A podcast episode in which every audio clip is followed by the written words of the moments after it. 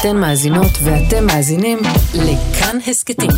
כאן הסכתים, הפודקאסטים של תאגיד השידור הישראלי.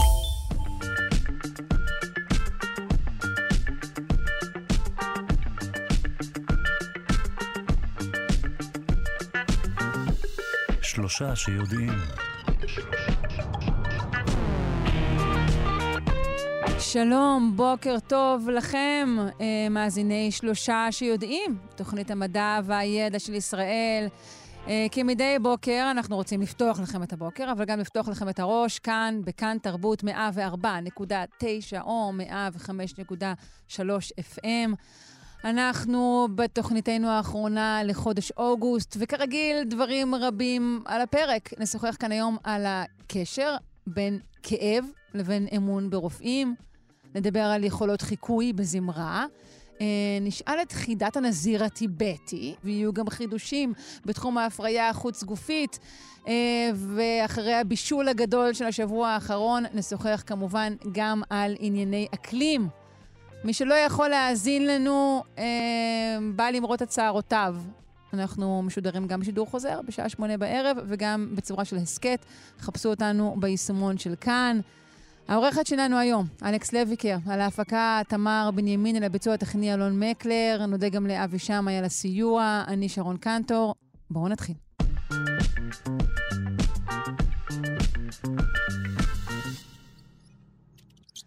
לראשונה, חוקרים הצליחו לאחות כרומוזומים בעכברים וליצור להם מערכת כרומוזומים חדשה, מהניילונים.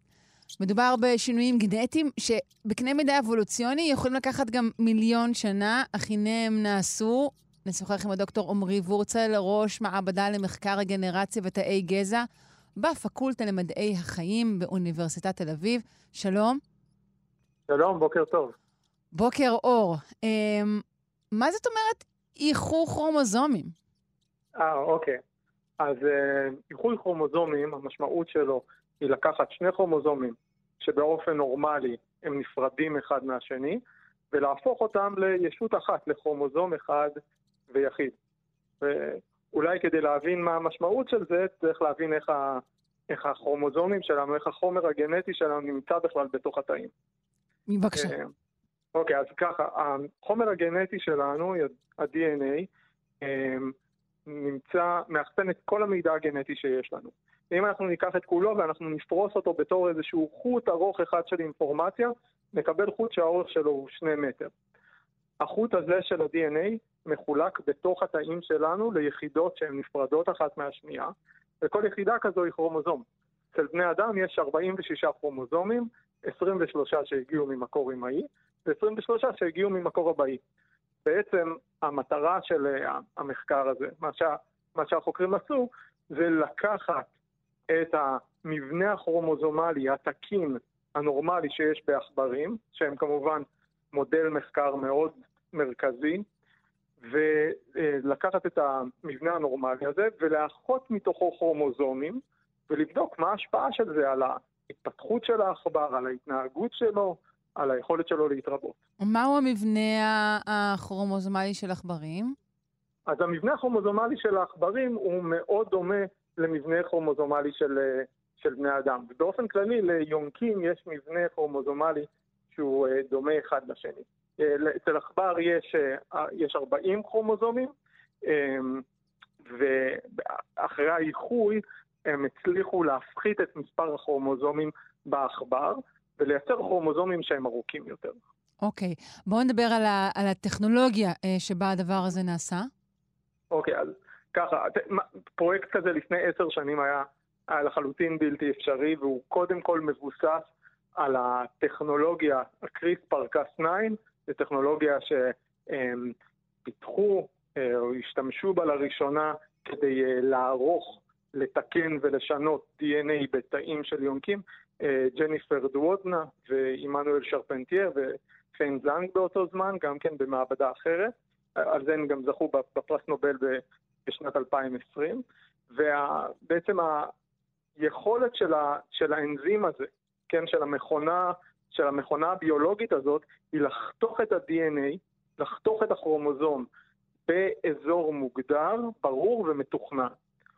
מה שהחוקרים בעצם עשו, זה הם לקחו תאים מיוחדים, כן, תאים עובריים מעכברים שהם הכינו, ולתוך התאים הללו הם הכניסו את המכונה האנזימטית הזאת, והם חתכו במקומות מסוימים שהם תכננו, כדי לאפשר איחוי של שני כרומוזומים שונים. והאיחוי הזה ייצר ב- ביעילות נמוכה, אבל עדיין הצליח לייצר כרומוזומים מאוד ארוכים, שלפני כן לא היו קיימים בעכבר. אוקיי, מה הם ההשלכות אה, או היתרונות אה, של תהליך אוקיי. כזה?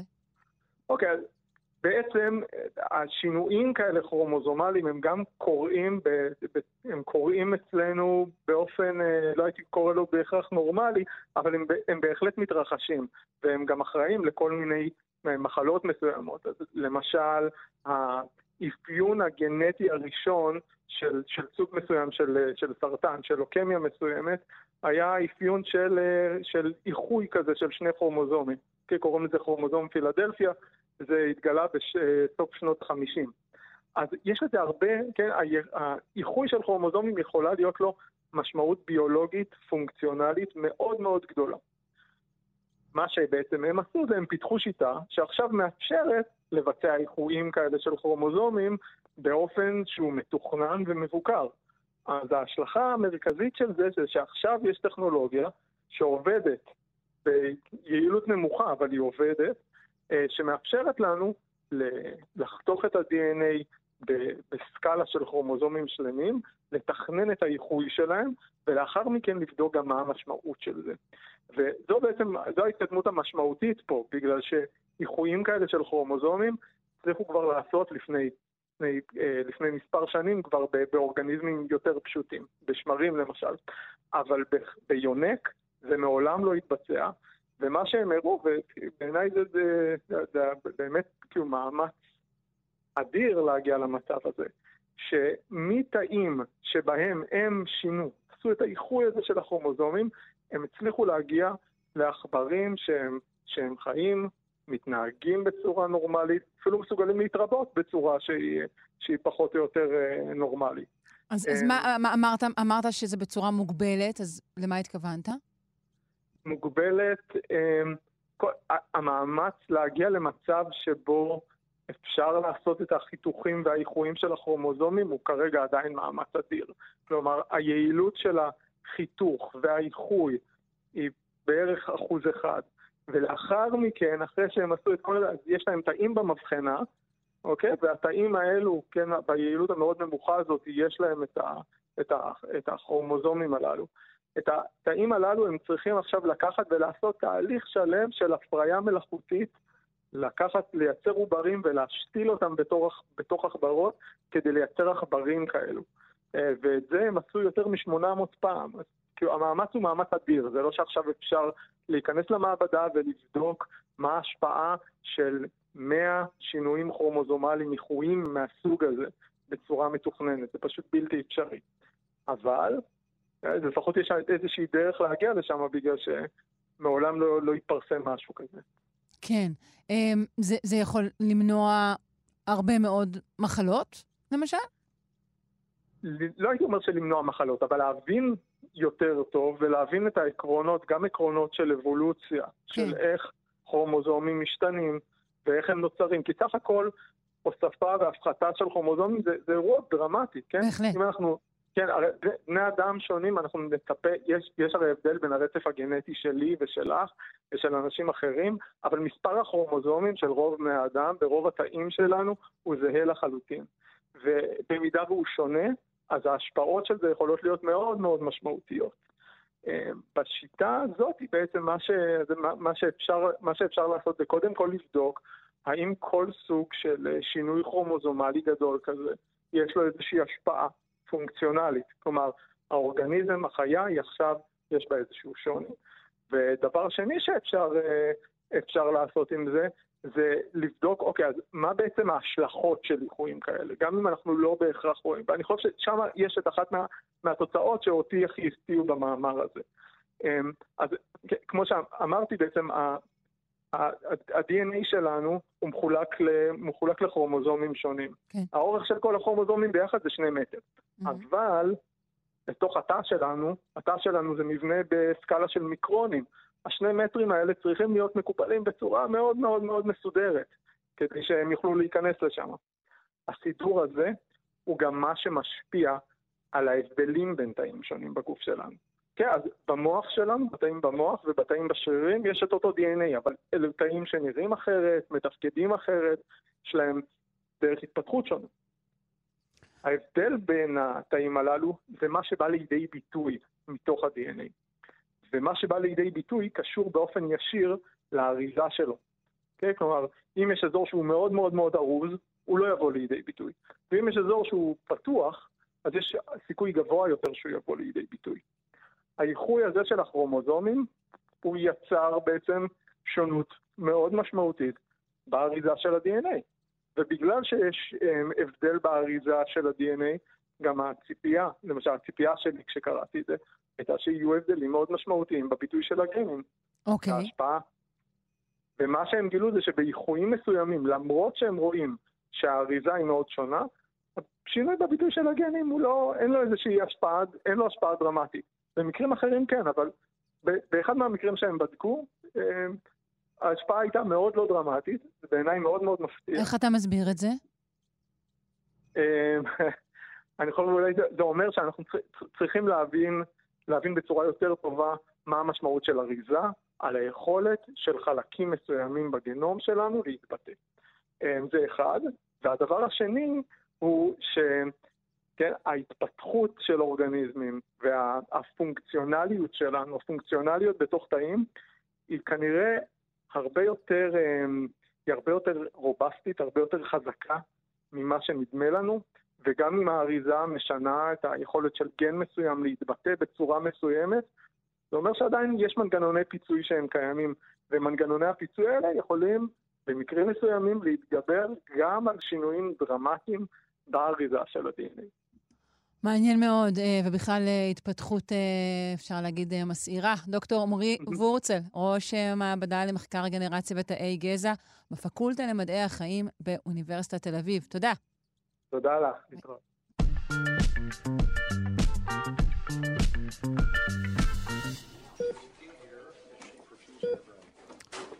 מחקר מסקרן ראה שבבואנו לקבל טיפול רפואי, למידת הכאב שנחוש בבדיקות שיערכו לנו, יש קשר לרמת האמון שאנחנו נותנים ברופא ובמוסד הרפואי. אה, עוד על הקשר המסקרן, אבל אולי לא מפתיע הזה, אה, בין אה, פסיכולוגיה לבין כאב. אה, נשמע מהפרופסור אילון אייזנברג, מומחה לנוירולוגיה ורפואת כאב, דיקן הפקולטה לרפואה בטכניון. שלום. שלום, בוקר טוב. בוקר אור. Uh, בוא נדבר על המחקר הספציפי הזה, uh, וגם על דברים שאתה עצמך uh, רואה בעבודתך. החוקרים האלה הם מאוניברסיטת מיאמי, והם בעצם ממש סרקו מוח, נכון? זה לא היה רק על סמך דיווח של חולים. נכון, וזה אולי מה ששונה במחקר הזה ממחקרים קודמים שבדקו את הנושא. או בדקו את הקשר שבין אה, אה, אמון ברופאים או במערכות הרפואה לבין תוצאות הטיפול, אה, והדבר הזה כבר נעשה בעבר, אבל כאן הם הראו מדדים אובייקטיביים על ידי טכ, טכנולוגיה מתקדמת, זה מה שנקרא MRI תפקודי או Functional MRI, שזה דימות מאוד מתוחכם בזמן אמת של המוח כדי לראות פעילות באזורים מסוימים של המוח אה, שקשורים לכאב. ואכן מה שחדש במחקר הזה, שהם הצליחו להראות שלא רק דיווחי הכאב אצל אנשים אה, שנחשפו לכאב, אבל טופלו לכאורה, כי כאן מדובר על טיפול לכאורה, וטופלו לכאורה על ידי רופאים שנתנו בהם יותר, או הראו בהם יותר אמון, אה, לא רק שדיווחי הכאב, כמו שאמרת, היו פחותים, אלא שגם הפעילות שמייצגת את הכאב במוח הייתה אה, פחותה אצל אלה שרכשו יותר אה, אמון אה, ברופאים שטיפלו בהם. כלומר, שוב נדגיש, זה לא רק דיווח שהוא עצמו עשוי להיות תמיד מוטה תרבותית וחברתית וכל מיני דברים, אלא, אלא סריקת מוח אמיתית שהראתה שאכן יש הבדל.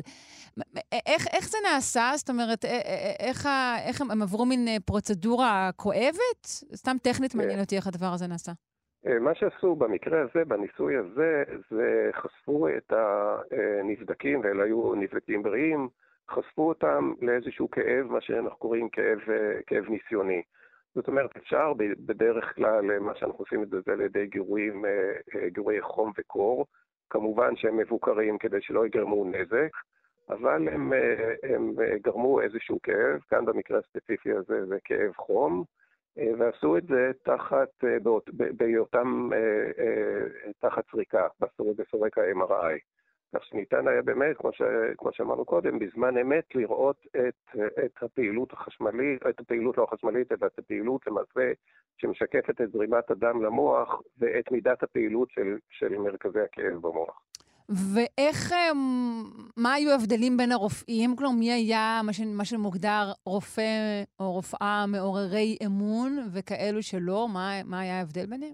אז אה, נתנו, יש, יש דמויות, אה, זאת אומרת, שוב, הכל היה אה, באופן וירטואלי, כי כשאדם שוכב בתוך סורק, אז בתוך המגנט הזה אי אפשר שמישהו יטפל בו, ונתנו להם לראות דמויות וירטואליות, והדמויות יכולות להיות של מישהו שנתפס כמישהו שמעורר אמון ואמפתיה ו... אה, אה, ותחושת תמיכה וכיוצא באלו, למין, למול כאלה שנראו יותר מרוחקים ופחות אה, פחות אה, אה, נותנים תשומת לב למטופלים. Mm, אוקיי. וכיוצא באלו. כלומר, זה משהו כוללני, כי אני חושבת שכל אדם יעדיף, נגיד, שמישהו מסתכל לו בעיניים, לעומת מישהו שמסתכל על מקום אחר, או מישהו שאולי טרוד באיזה שיעול או משהו. זה נראה לי הגיוני. כי אני שואלת את זה כי מחקרים קודמים, שדיברו על, על אמון בין מטופלים לרופאים, דיברו למשל על דמיון תרבותי. זאת אומרת שאני עשויה לחשוב שמטפל, אה, רופא או רופאה שהם דומים לי, הם מהימנים יותר אה, עבורי, לתפיסתי. נכון, וזאת איזושהי תחושת, הייתי אומר, זו תחושת הזדהות שיש בין המטופל למטפל, אה, ותחושת המטופל שמישהו שהוא בא מאותו תרבות, מאותה תרבות ומאותו רקע, אז יש יותר סיכויים שהוא באמת מבין לא רק את הבעיה הרפואית, אלא גם את המצוקה שבה שרוי אה, האדם הכואב, נאמר, אה, אה, במקרה הזה, אם אנחנו מדברים ספציפית על כאב. במובן שטחי אנחנו אולי מזדעקים, אומרים, אוי, גזענות, זה בטח גורם לאפליה של, של רופאות ורופאים, אבל מצד שני, יש בזה היגיון רב. כי כאב הוא, הוא, הוא גם כמובן נובע מפיזיות שאולי דומה, אולי אני ארצה למשל שאישה שהיא בגילי פחות או יותר ומבינה אולי מה עובר עליי, תטפל בי, אבל לכאב, מעבר לכך, יש באמת גם מאפיינים שהם תרבותיים. אולי מישהו מתרבות אחרת חווה כאב בצורה אחרת.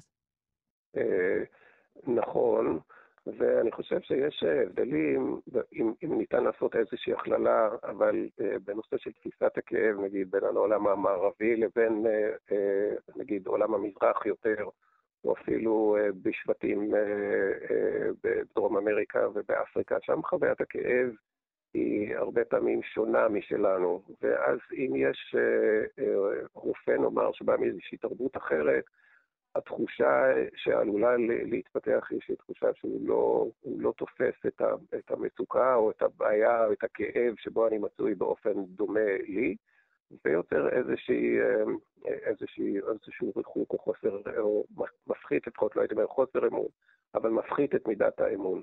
אה, שם כן. הלחש כלפי הרופא, בהחלט כן. כן. אה, בואו נדבר על אה, באמת כל מיני מסקנות שעולות מהמחקר הזה. אחת מהן, אני חושבת, לא יודעת אם המחקר הזה או מחקרים קודמים, זה שאנשים שהם בעצמם מטופלים שהם מקבוצות שוליים, סומכים פחות על, על, על רופאים. כן. אה, זה קצת מצער, אבל, אה, אבל זאת, אה, זאת האמת שאנשים שבאים משכבות סוציו-אקונומיות פחות גבוהות, כנראה יש להם איזושהי תחושה של חוסר אמון כלפי המערכות באופן כוללני יותר, באופן רחב יותר, וחלק מזה התפיסה היא מערכת הרפואה. דרך אגב, יש גם עדויות אובייקטיביות לכך, ובאמת אנשים, אפילו אצלנו בארץ, תוחלת החיים, נגיד, אצל אנשים מהפריפריה, ורמת הבריאות של אנשים מפריפריה היא קצת יותר נמוכה מזו של אנשים שהם מאזורי מרכז. כך שתחושת, וזה אותו דבר גם לגבי הנושא של שכבות. זו מעין קורלציה גם שהיא מתמשכת, כי קודם כל הם סובלים נגיד מטיפול פחות טוב, שוב, מסיבות של מגורים ושל כסף וכלכלה, ואחר כך זה גם באמת ובצדק, יש להם פחות אמון במערכות, ואז הם שוב אולי נוטים גם לקבל טיפול, ללכת לטיפול. כן, או שהולכים פחות לטיפול, כן, כן. ומילא לא, לא, לא כל כך רואים אותי ולא כל כך סופרים אותי. כן. וכיוצא באלו, כך שתחושת האמון שלהם היא במערכות, במערכות בכלל, במערכות הרפואה, היא יותר נמוכה, וזה דבר שניתן להבין אותו. כן. Uh, המחקר הזה, uh, שוב, דיברנו, מדבר על, על, על, על uh, הבעות פנים uh, של רופאים ועל אמפתיה. הם uh, הסיקו מסקנות לגבי, לגבי יחסי רופא-מטופל, שינויים שצריך לעשות. כן, והם הם, הם, הם גם כותבים את זה במסקנות שלהם, שבאמת אה, ליחסי אה, אה, רופא-מטופל יש משמעות, משמעות גדולה ב-outcome, זאת אומרת בתוצר הטיפול, ולא רק במידת שביעות הרצון של המטופל, אלא גם, אלא גם בתוצאות הטיפול. כאן, בדבר הזה, אנחנו, או בהקשר הזה אנחנו מדברים על נושא של כאב שהוא באמת נושא שהוא, או הדיווח לפחות על עוצמת הכאב, או תחושת הכאב שאנשים חשים, היא באמת דבר מאוד סובייקטיבי. ומדווח על ידי המטופל, כך שיש כאן הרבה מקום להטיות. ושוב, העובדה שכאן היה, היה גם, היו גם ממצאים אובייקטיביים מחזקת מאוד את הממצאים, כי תמיד כשאנחנו אומרים אה, שמי שאנחנו שואלים אותו כמה כואב לך, אז אנחנו תמיד, תמיד אפשר לחשוב שאם מישהו נחשף לאיזה גירוי כאב, אז, אז מישהו אומר כואב לי מאוד, ומישהו אחר לאותו גירוי כאב אומר לי פחות, זה דבר שאנחנו רואים אותו. ואז התחושה היא שמדובר בדבר לגמרי סובייקטיבי, ואם יש רופא נחמד והוא מחייך אליך וכולי, אז, אז, אז אולי יותר נעים לך, או פחות נעים לך אפילו להגיד לו שכואב לך יותר אם הוא נתן לך טיפול.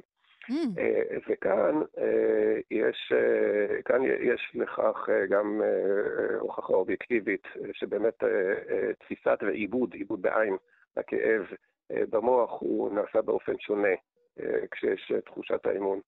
ואני רוצה, אם יורשה לי, לומר מילה אחת, כאן דווקא לא בכובע של איש כאב, אלא דווקא כדקן, שאצלנו בפקולטה לרפואה בטכניון, אבל לא רק אצלנו, בכל הפקולטות לרפואה בארץ, אה, אה, מוקדשים מאמצים עצומים, ממש, ואני אומר את זה בלי מירכאות, אה, לפתח ולטפח בקרב הסטודנטים לרפואה את כל הנושא של אמפתיה ותקשורת ולהיות לצד החולה ולצד המטופל. ולנטרל ככל שניתן, אפילו ברמה האישית, את המטענים לפעמים, או את התכונות, או את ההתנהגויות הפחות רצויות שישנן ברפואה. יש לנו עדיין אה, דרך ללכת, אנחנו לא משיגים את זה במאה אחוז, ותמיד יש מקום להשתפר, אבל זה נושא שמקדישים לו הרבה מאוד אה, תשומת לב. ואני רוצה לומר לך שלמשל אחד המאמרים, אה, מאמר כמו זה, יש לנו בהחלט כוונה להכניס לקוריקולום של בית הספר לרפואה כדי להסביר לסטודנטים כמה הנושאים האלה באמת חשובים. Uh, ללא ספק. מעניין אותי קצת הקשר בין, בין אמון לבין אמפתיה. כלומר, אני לא, לא בטוחה שזה עניינים חופפים. האמון שלי ברופא או רופאה ורמת האמפתיה שהם מפגינים. ייתכן מאוד שלאנשים מסוימים יש אה, יותר אמון דווקא באנשים שהם פחות אמפתיים ונתפסים אולי כיותר ענייניים, תראי, יש, אה, אה, נקטנו במילה אמפתיה, אבל, אה, אבל יש, ישנם כישורים או תכונות שאנחנו יודעים שהן כן מעוררות אמון, זה מקצועיות של רופא ויכולת תקשורת ונכונות להקשבה ופתיחות. הגישה הפטריארכלית שה... רופא יודע הכל, והוא זה שמכתיב היום אה, לפציינט, אה, למטופל, והוא על פיו, על פיו ייקבע דבר, היא גישה שהיא למעשה היום כבר לא מקובלת ברפואה, ומה שכנראה עושה רושם שמעורר אמון, זה התחושה ש... או בראש ובראשונה, התחושה שהרופא הוא שותף שלך במסע הזה של, של חולי ובשאיפה כמובן להביא, להגיע להבראה. וצריכה להיות התחושה של, של איזושהי שותפות, והיא זאת התחושה, שותפות אמיתית, והיא זו התחושה שיוצרת את האמון. חלק מזה זה אמפתיה, ונכונות להקשיב, כמו שאמרנו, דברים נוספים. זה לא רק אמפתיה, זאת אומרת, יכול להיות שהוא מאוד אמפתיה, אבל יש לך הרגשה שהוא לא יודע כלום. אז אה, קרוב לוודאי שזה לא, לא יספק ולא יעורר אמון. אה, מעניין האזכור של הפטריארכליות ששרבבת שם בהקשר הזה.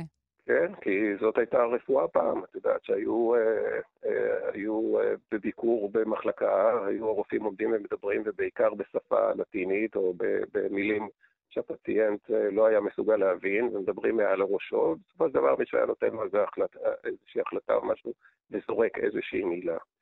אה, כרגע, אה, כיום, זה כבר לא רק היום, אבל אה, ככל שחולפות השנים, אני חושב שהנושא הזה מוטמע, מוטמע יותר ויותר, והנושא שהשותפות של, שאתה לא זה שמכתיב למטופל שלך מה זה יעשה, אלא אתה שותף איתו.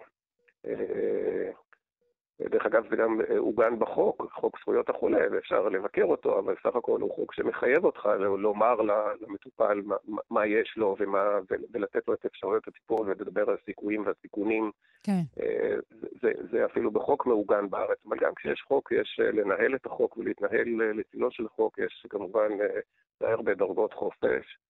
כן. וככל שאנחנו, אני חושב, עושים את זה בצורה יותר אה, נכונה, יותר שקופה ויותר משתפת, אה, האמון יגדל. וכעת התוצאות גם מעוגנות אה, בסקירות מוח. אנחנו יודעים שזה, נכון, שזה נכון. עובד. כן. פרופסור אילון אייזנברג, מומחה לנוירולוגיה ורפואת כאב, דיקן הפקולטה לרפואה בטכניון, תודה רבה על השיחה הזו. תודה לך.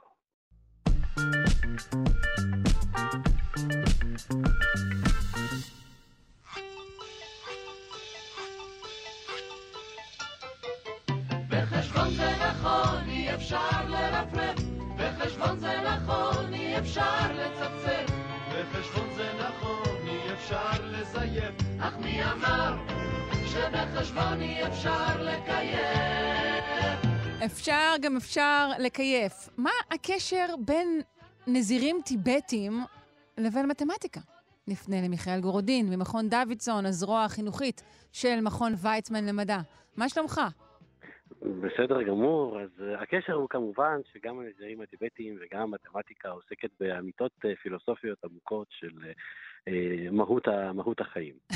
אבל okay. אוקיי. בנוסף לזה, יש חידה שיש לה המון גרסאות, חלקן עם טיבטים, חלקן בלי. אחת החביבות עליי... אני לא מבינה למה אין בה רכבות או ברזים. זה שיש בה נזירים זה מקומם בעיניי. אין שום בעיה לנסח את החידה הזאת גם עבור אה, רכבות וברזים. החביבה עליי, ספציפית ברז בתוך רכבת. אה, החביבה עליי אבל מספרת על נזיר שיום אחד החליט אה, לעלות על הר, אולי היה איזשהו מנזר טיבטי בפסגת ההר, אני לא יודע, זה לא, זה לא סופר לי על ידי מוסרי החידה. והוא עלה לו בשביל צר ומתפתל אה, מהבוקר עד הערב במעלה ההר. רגע, רגע, אה, זה רלוונטי לי שהשביל היה מתפתל? כי אני רושמת לא, בצד. אוקיי, לא, לא, לא. זה לא, הוא עלה, אוקיי. אמ, ויום למחרת הוא ירד. הוא לא לאו דווקא הלך בקצב אחיד, ואולי הוא עצר לפעמים בדרך להתבונן על איזשהו פרח. לא, ירידה אבל היא יותר מהירה בהכרח? יכול להיות, כן. יכול להיות שלא. כל מה שאנחנו יודעים שהוא אוקיי. במהלך היום הראשון עלה, ובמהלך היום השני אה, ירד. אה, יכול להיות אפילו שהוא לא כל הזמן עלה, הוא עלה ועלה וקצת חזר אחורה, שום דבר אנחנו לא יודעים עליו. והשאלה היא, האם חייבת להיות איזושהי שעה מסוימת, שבה גם ביום הראשון וגם ביום השני, הוא היה בדיוק באותו מקום על, ה... על ההר. בדיוק באותו מקום? בדיוק באותו מקום. ובאותה השעה? ובאותה השעה. טוב, זאת בוודאי לא הייתה שעת הבוקר המוקדמת, נכון? כי בבוקר של היום הראשון הוא היה למטה, ובבוקר ר... של היום אוקיי. השני הוא היה למעלה. רגע, אה, למה, אתה יודע איך אולי אפשר לפתור את זה? נראה לי איך? שאולי נדמיין שזה היה באותו יום עם שני נזירים שונים. אפשר? זה מותר? מאוד. זה חוקי? זה מותר, זה מצוין, יפה מאוד. יפה כן? מאוד. פתרון מלא הוא, הוא, הוא, הוא מדויק. אבל אפשר לדמיין. רק התחלתי לדמיין. אוקיי, בסדר. תסביר. יפה, שאלה היו שני נזירים שעשו את זה באותו יום. ואז באותו יום אחד מהם התחיל למטה ואחד מהם התחיל למעלה, והם ככה הולכים לאיתם, ואנחנו לא יודעים שום דבר, רק שהראשון סיים את היום למעלה, והשני סיים את היום למעלה.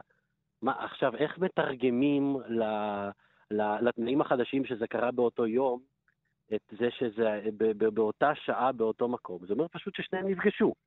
ו- וזה הרי הכרחי. גם אם אחד. מהם הולך כמו צב והשני מהיר מאוד, הם עדיין ייפגשו איפשהו על הנתיב הזה. עכשיו, המדקדקים ישאלו, למה בעצם זה הכרחי? למה זה הכרחי? הרי אם נדמיין שאנחנו, שהנזירים עושים כל פעם צעד, ואנחנו מצלמים אותם, הם עושים צעד ואנחנו מצלמים אותם, הם עושים צעד ואנחנו מצלמים אותם. הם לא חייבים לעשות צעדים באותו גודל, והם לא חייבים לעשות צעדים באותו, באותו קצב, אבל כל פעם שהם עושים צעד.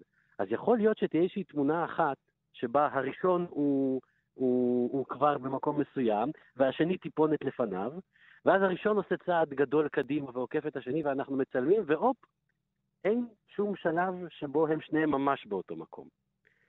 אם אנחנו מודדים את ההתקדמות שלהם בצעדים, במה שנקרא בצעדים בדידים, כלומר, כן, זה פעם- לא מדקדקים, זה נודניקים, לא? מה שאתה- מציג לי. אני לא רוצה להוציא את דיבתם של מתמטיקאים, אוקיי. אבל יהיו שיאמרו שזהו אחד, ה... אחד התכונות החשובות אה, של עיסוק במתמטיקה, סוג אה, אה, מאוד מסוים של אה, דקדקנות או נודניקים. אז רגע, זה הבדל בין. צעד שהוא משהו בדידי לבין משהו שהוא- שהוא גלי, שהוא רציף? שהוא רציף, בדיוק. זה ההבדל בין העולם Mm. הבדיד לבין העולם הרציף. כי בעולם הרציף יש לנו, כדי, אם התחלנו עם אה, אה, אה, פילוסופיה, אז גם כדי לסיים ברוח הזאת, בעולם הרציף יש במתמטיקה משפט שנקרא משפט ערך הביניים, שבגדול אומר בדיוק את זה, וזה מתבר... זה מין אה, אחת האמיתות האלה שנראות מובנות מאליהן במבט ראשון, אך שהוכחתם אה, נפרסת על פני שתיים וחצי מחברות. כן, ולקחה לקחה לאנושות כמה אלפי שנים אה, להגיע. אוקיי. ש- ש- ש- שאנחנו מדמיינים תנועה רציפה, ואחד התחיל למעלה והשני התחיל למטה. והם נעים אחד לכיוון השני ומסיימים במצבים הפוכים, איפשהו באמצע העסק הזה חייב להיפגש. זה מרגיש לנו מובן מאליו לחלוטין, וגם השם המשפט הוא די מובן, ערך הביניים. איפשהו בביניים צריך להיות איזשהו ערך, כן. שבו הדברים האלה... נפגשים. האמצע זה כ- כאילו, האמצע הדרך, לב הדרך קיים, המפגש הזה כן, הוא הכרחי. לאו דווקא כן. אמצע, אם כן. הראשון עולה מאוד כן, לאט, נכון. והשני יורד מהר, אז זה לא יהיה בדיוק... איפשהו זה חייב לקרות, כן. איזשהו ערך ביניים, זה אחד המקרים הנדירים שהמתמטיקאים קולעים מאוד מאוד היטב למהות העניין. נכון. זה ערך ביניים, זה ערך שנמצא ב- בביניים. אה, ומתברר שהמשפט הזה הרבה יותר אה, מסובך להוכחה, אבל הוא נראה במבט ראשון מובן לחלוטין מאליו. אז זה, אז הספקנו גם... על- ורגע, אבל אבל רגע, אני רוצה לחזור שנייה לנודניקים עם הצעדים. אה, יפה. כן. אה, אז הם הצליחו בעצם, הם בעצם מפריחים את משפט ערך הביניים ברגע שזו תפיסה שהיא בדידית ולא רציפה? זה לא עניין של מפריחים, המשפט, משפט ערך הביניים מלכתחילה הוא, הוא מבטח את עצמו. הוא מלכתחילה הוא אומר, אני נכון רק בעולם הרציף. יש עוד כמה תנאים שצריכים להתקיים. Mm. כל משפט, בגלל זה צריך מאוד מאוד להיזהר עם אה, גרסאות פופולריות של אה, משפטים במתמטיקה. כי כל משפט במתמטיקה, קצת כמו חוזה משפטי, מתחיל ברשימת תנאים.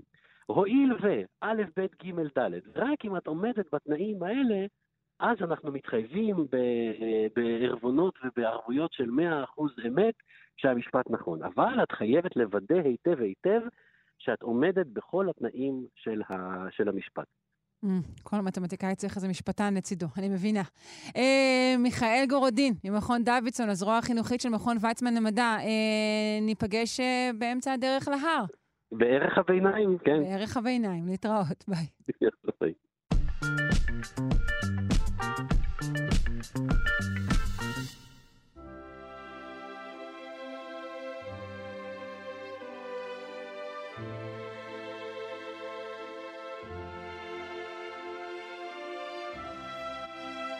פינת השירה עם רונה ישראל קולט, מורה לפיתוח קול במכללת לוינסקי ומנהלת קוואלי, כיתות האמן והתחרות הבינלאומית לשירה האומנותית בזיכרון יעקב. שלום רונה.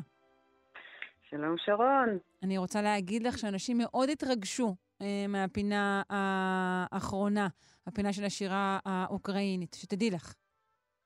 אני צריכה לשמוע, ובאמת אה, אני מקבלת פידבק גם כן אה, עם כל מיני רעיונות ושאלות ועצות, אז אם מישהו באמת, אה, איזשהו נושא מעניין אותו, אז בואי נעלה את זה כאן. נהדר. יופי. כן. אז uh, מוזמנים לכתוב, uh, גם לפנות גם אלייך uh, וגם אלינו דרך עמוד הפייסבוק של התוכנית. כאן שלושה שיודעים, ואנחנו משתדלים לספק את המידע כולו. היום נדבר על, על, על, על יכולת חיקוי זמרים. זה נושא שמאוד סקרן אותי, גם אצל זמרים וגם אצל שחקנים. כי אנחנו רואים לפעמים ששחקנים שהם לכאורה לא זמרים, זה לא המקצוע שלהם, אבל הם פתאום יכולים לחכות זמר בצורה ממש מפליאה. נכון, נכון. אז אה, שאלה באמת, אה, אה, אם כולנו יכולים לעשות את זה, אם את עכשיו רוצה ללכת להתפרנס כ... אה, חקיינית של אלוויס, אם את תוכלי לעשות את זה, ואני באמת מודה לגדעון על, ה, על הנושא שהוא רצה שאני אדבר על חיקוי, אז הנה, בזכותו. אז באמת היכולת החיקוי היא, היא מהותית ליכולת שלנו לתפקד כיצורים חברתיים. זאת אומרת, אנחנו נולדים עם היכולת הזו כי היא זו שבאמת מאפשרת לנו למידה וגם תקשורת. יש פה המון רבדים, אז אני אנסה לגעת בכמה שיותר, ומה שלא, אז נרחיב לעוד פינות. אבל אה, אם נגיד באמת את חושבת על חיקוי, אז הדבר הראשון אה, שעולה לי בראש כשאני חושבת על חיקוי של זמרים זה... זה באמת הזמרים של אלוויס, הם הפכו את הכישרון הזה למקצוע, הם מתפרנסים מהעובדה שהם נשמעים ובדרך כלל גם נראים כמו מישהו אחר. הם נכנסים, הם פשוט הופכים להיות אחד לאחד מישהו אחר. אז אבל מה הם מזהים בשיר? הם מדברים על שירה פה, לא על פאות לחיים, אה, שכמובן עוזרות בתעתוע הזה, אבל נגיד, מה, מה, בשירה, מה בשירה של אלוויס שהוא לא רק הטון. מה, מה יש שם, נגיד, בהכנסות האוויר? מה, מה את יכולה לנתח ולומר לנו שכשמישהו בא לחכות את אלוויס הוא עושה? אוקיי, אז בואי קודם כל נשמע את אלוויס, ואז נשמע מה, איך, איך אפשר לחכות אותו.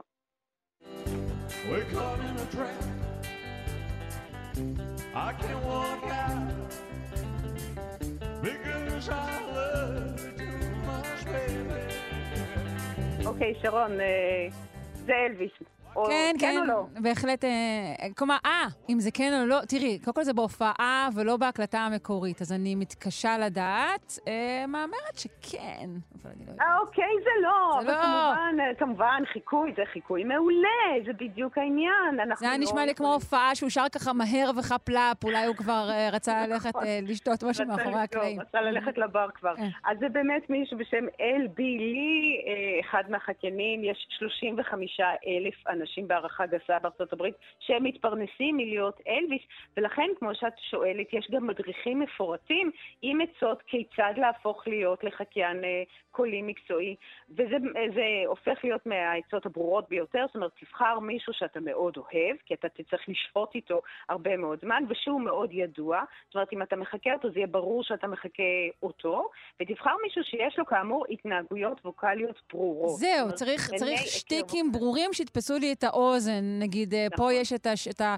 הוא באמת עשה קצת שבירה עודפת, אולי החקיין, בהתחלה, בסוף של המשפטים ובהתחלה שלהם. אה, נכון, ו... ובאמת מעניין אם יש כל מיני מחקרים, האם ה...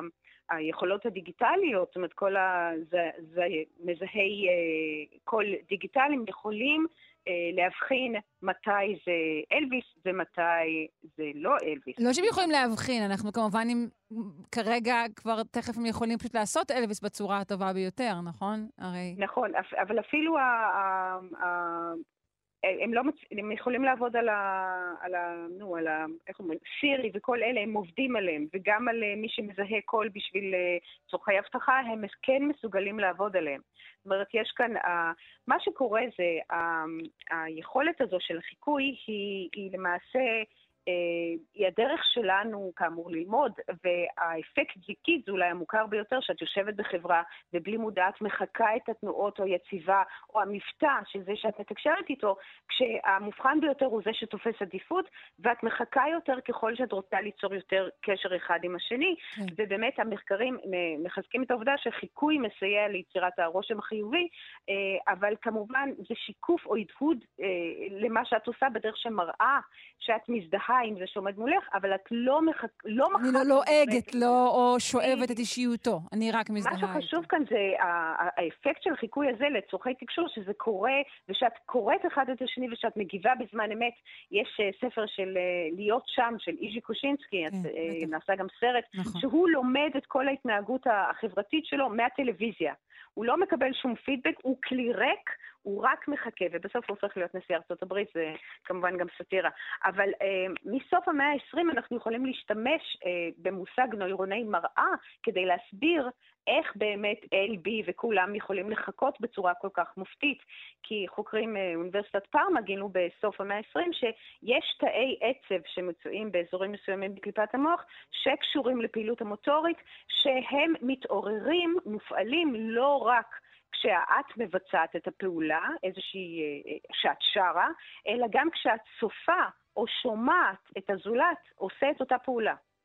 זה למעשה מסביר את ההתרגשות הפיזית שלנו כשאנחנו אה, צופים בתחרויות ספורט, או כשאת שומעת את אלוויס שר, כי המוח שלנו למעשה שומע אותו שר, ישר מייצר איזשהו מערך ווקאלי מוטורי שמאפשר את הפקת הצליל שלו. זאת אומרת, אם הוא מכווץ את השפתיים, אם הוא אה, הפעיל את הלשון בדרך מסוימת, אם הוא אה, הפעיל את הזרם אוויר שלו בדרך מסוימת, את שומעת את זה, והמוח שלך יוצר איזשהו דפוס. הוא יוצר את המערך המוטורי שמאפשר את ההפקה שלו. אה, מעניין. ממש. ממש מדהים. זאת אומרת, המוח משדר שאנחנו עושים את אותה פעולה, למרות שלא הוצאנו את הפעולה ממש לפועל. אבל הצפייה או השמיעה, הם, הם כבר מכינים כאמור את המערך המוטורי הנדרש, וככל שאת מתאמנת על זה יותר, אז ככה המערך המוטורי דומה יותר למה שאלוויס עושה. זה כמובן מאוד עוזר אם יש לך אה, אה, מראש את בריטון כמוהו, אה, כן. אבל אה, זה כמובן, מה שמעניין, אני חושבת דבר עוד יותר מעניין זה ככה אה, נוצרות אופנות של שירה. אולי גם את שמה לב שבתקופות מסוימות כל הזמרים ברדיו נשמעים כמו אביתר בנאי, או כל הזמרות נשמעות כמו עדן בן זקן, ואפילו מדברות אה, כמו, אה, כמוהן, כי יש להן הגייה או הפקה מוטורית מובחנת שמבדילה אותן מהשאר, והיא כן. תופסת את התשומת לב הקוגניטיבית, ואז המערכת הזו מפעילה את המערך המוטורי מבלי מודע. בואי נשמע מישהי שמחקה את אה, עדן בן זקן.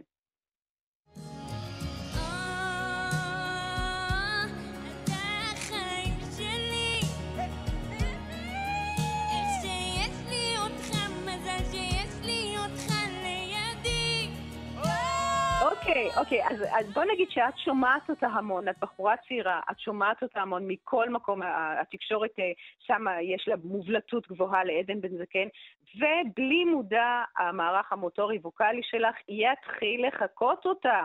את תתחילי כן, זה היה נשמע, כן. זה אבל היה נשמע כמו פרודיה, מה ששמעתי עכשיו. אה, נכון, זה כמובן זה ההבדל אם את עושה את זה בצורה מקצועית כי את רוצה להיות כמה שיותר דומה לה, או שאת עושה את זה קצת פרוד. זו באמת הייתה ליאנה עיון, אה, חיקוי שלה מערוץ טים ניק, אבל זה אומר שהיא מאוד מאוד מוכשרת, וזה גם אומר שעדן בן זקן בחשיפה גבוהה, שאפשרה את ההטבעה של המערך המוטורי הווקאלי שלה אצל ליאנה עיון. אה, זה, וזה באמת מערך אה, מאוד מאוד, אה, היכולת חיקוי זה מערך קוגניטיבי פנטסטי, הוא מאוד מורכב ומאוד מאוד מעניין, אבל מה שקורה זה שבתקופה שלנו, רוב האנשים, רוב הזמרים לא לומדים מתווים, הם לומדים דרך ביצוע של מישהו אחר. זאת אומרת, רק בעולם הקלאסי את יכולה להגיע למוזיקה שאת רוצה ללמוד בצורה נקייה, את לא צריכה מתווך, אבל מאז באמת המצאת הרדיו, המצאת המסכים, אנחנו לומדים בעיקר אה, מטביעים מערך ווקאלי מוטורי של מישהו אחר. לא, וגם עוד אה, לפני, אה, כלומר זה משהו שהוא מאוד עתיק, או אפילו מלפני המסכים, נכון? לא, אין ספק, אבל אם נגיד... תמיד למדנו שירה מאנשים אחרים. זה, מרגע שאת נולדת, זו היכולת שלך באמת אה, ללמוד, זה על ידי חיקוי, אבל מה שיפה אצל, אה, או לפחות חשוב אצל תינוקות, שהם מקבלים כל הזמן פידבק. אז אם את יושבת, אם תינוק יושב מול מסך והוא אמנם יחכה, אבל הוא לא מקבל פידבק, הוא לא מקבל תגובה. האימא לא אומרת לו כל הכבוד, או אומרת לו זה אסור, או זה לא נכון. זאת אומרת, מאוד חשוב, זו הסיבה שאומרים לא להושיב תינוקות עד גיל שנתיים, לא, או אפילו מאוחר יותר, לא להושיב אותם מול המסך, כי כן. הם מחכים, המערך המוטורי שלהם אה, מחכה. בלי מודע, דברים אחרים ש... אז אה, כל מה לא שצריך זה לפתח מערכות אה, אינטראקטיביות, שבהן כשהתינוק מחקה היטב את המסך, אז המסך גם אומר לו, כל הכבוד. אוקיי. אוקיי, ואז הילד שלך יתחיל לדבר ככה, זאת אומרת, את צריכה להיות מאוד זהירה עם איזה אינפוט את רוצה להכניס לו, זה בדיוק העניין. את, את צריכה כן. מסנן מאוד ברור כבר מדמיינת. האקרים רוסיים משתלטים על החינוך הדיגיטלי של הילדים. אה, בדיוק, אני לא... רחוק. וואו, אוקיי. עלית על זה. אני לא. אתפלא אם כל הסינים מחדירים לנו... לא, אוקיי, לא יודעת, סינים. אה, מי שרוצה, אנחנו פשוט נולדנו לספוג. אוקיי. המערכות אורנה, האלה, בואי, המערכת- בואי, אה, בואי, יש לנו עוד אה, שני בואי קטעים. אוקיי, אז, אז דיברנו גם על הסירי וכל אלה, אבל בואי באמת אה, נשמע, כמובן זה עוזר שיש לך נתונים טבעיים שמזכירים את זה במקור, בואי נשמע, כשהפער אולי קצת רחוק- חזק מדי, בואי נשמע אלביס ממין נקבה.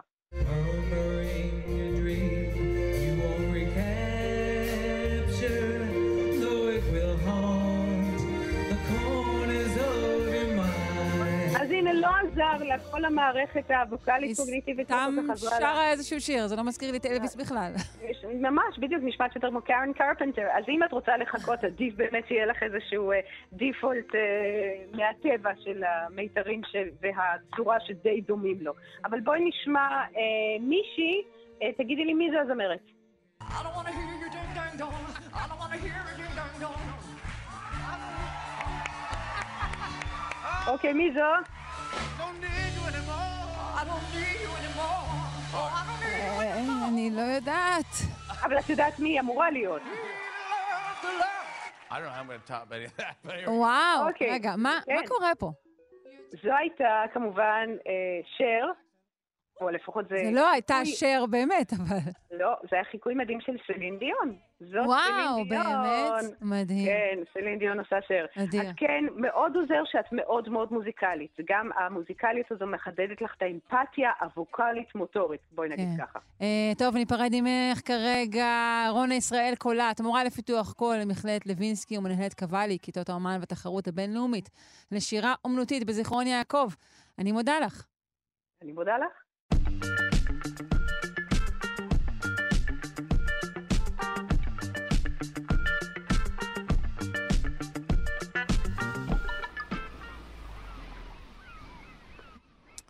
רצינו להביא לכם אה, אייטם מאוד מאוד מרגיע בענייני אה, אה, משבר האקלים והכחדות ענק, אבל יצא לנו ההפך. אה, צוות בינלאומי של חוקרים מצא שכ-90 אחוז, נחזור למספר, 90 אחוז, מכלל בעלי החיים הימיים בכדור הארץ עלולים להיות בסכנת הכחדה עד שנת 2100. זאת אם פליטת גזי החממה לא תיעצר. Hmm. נפנה לפרופסור גיתי יהל, אוקיינוגרף, מבית הספר למדעי הים במרכז האקדמי רופין. שלום, פרופסור, מה שלומך? בוקר טוב. אה, סוג של בוקר טוב, תשמע, זאת אה, ידיעה לא נעימה. נכון, מדובר באותם חיזויים ארוכי טווח שמטרתם להשפיע על מדיניות בהווה.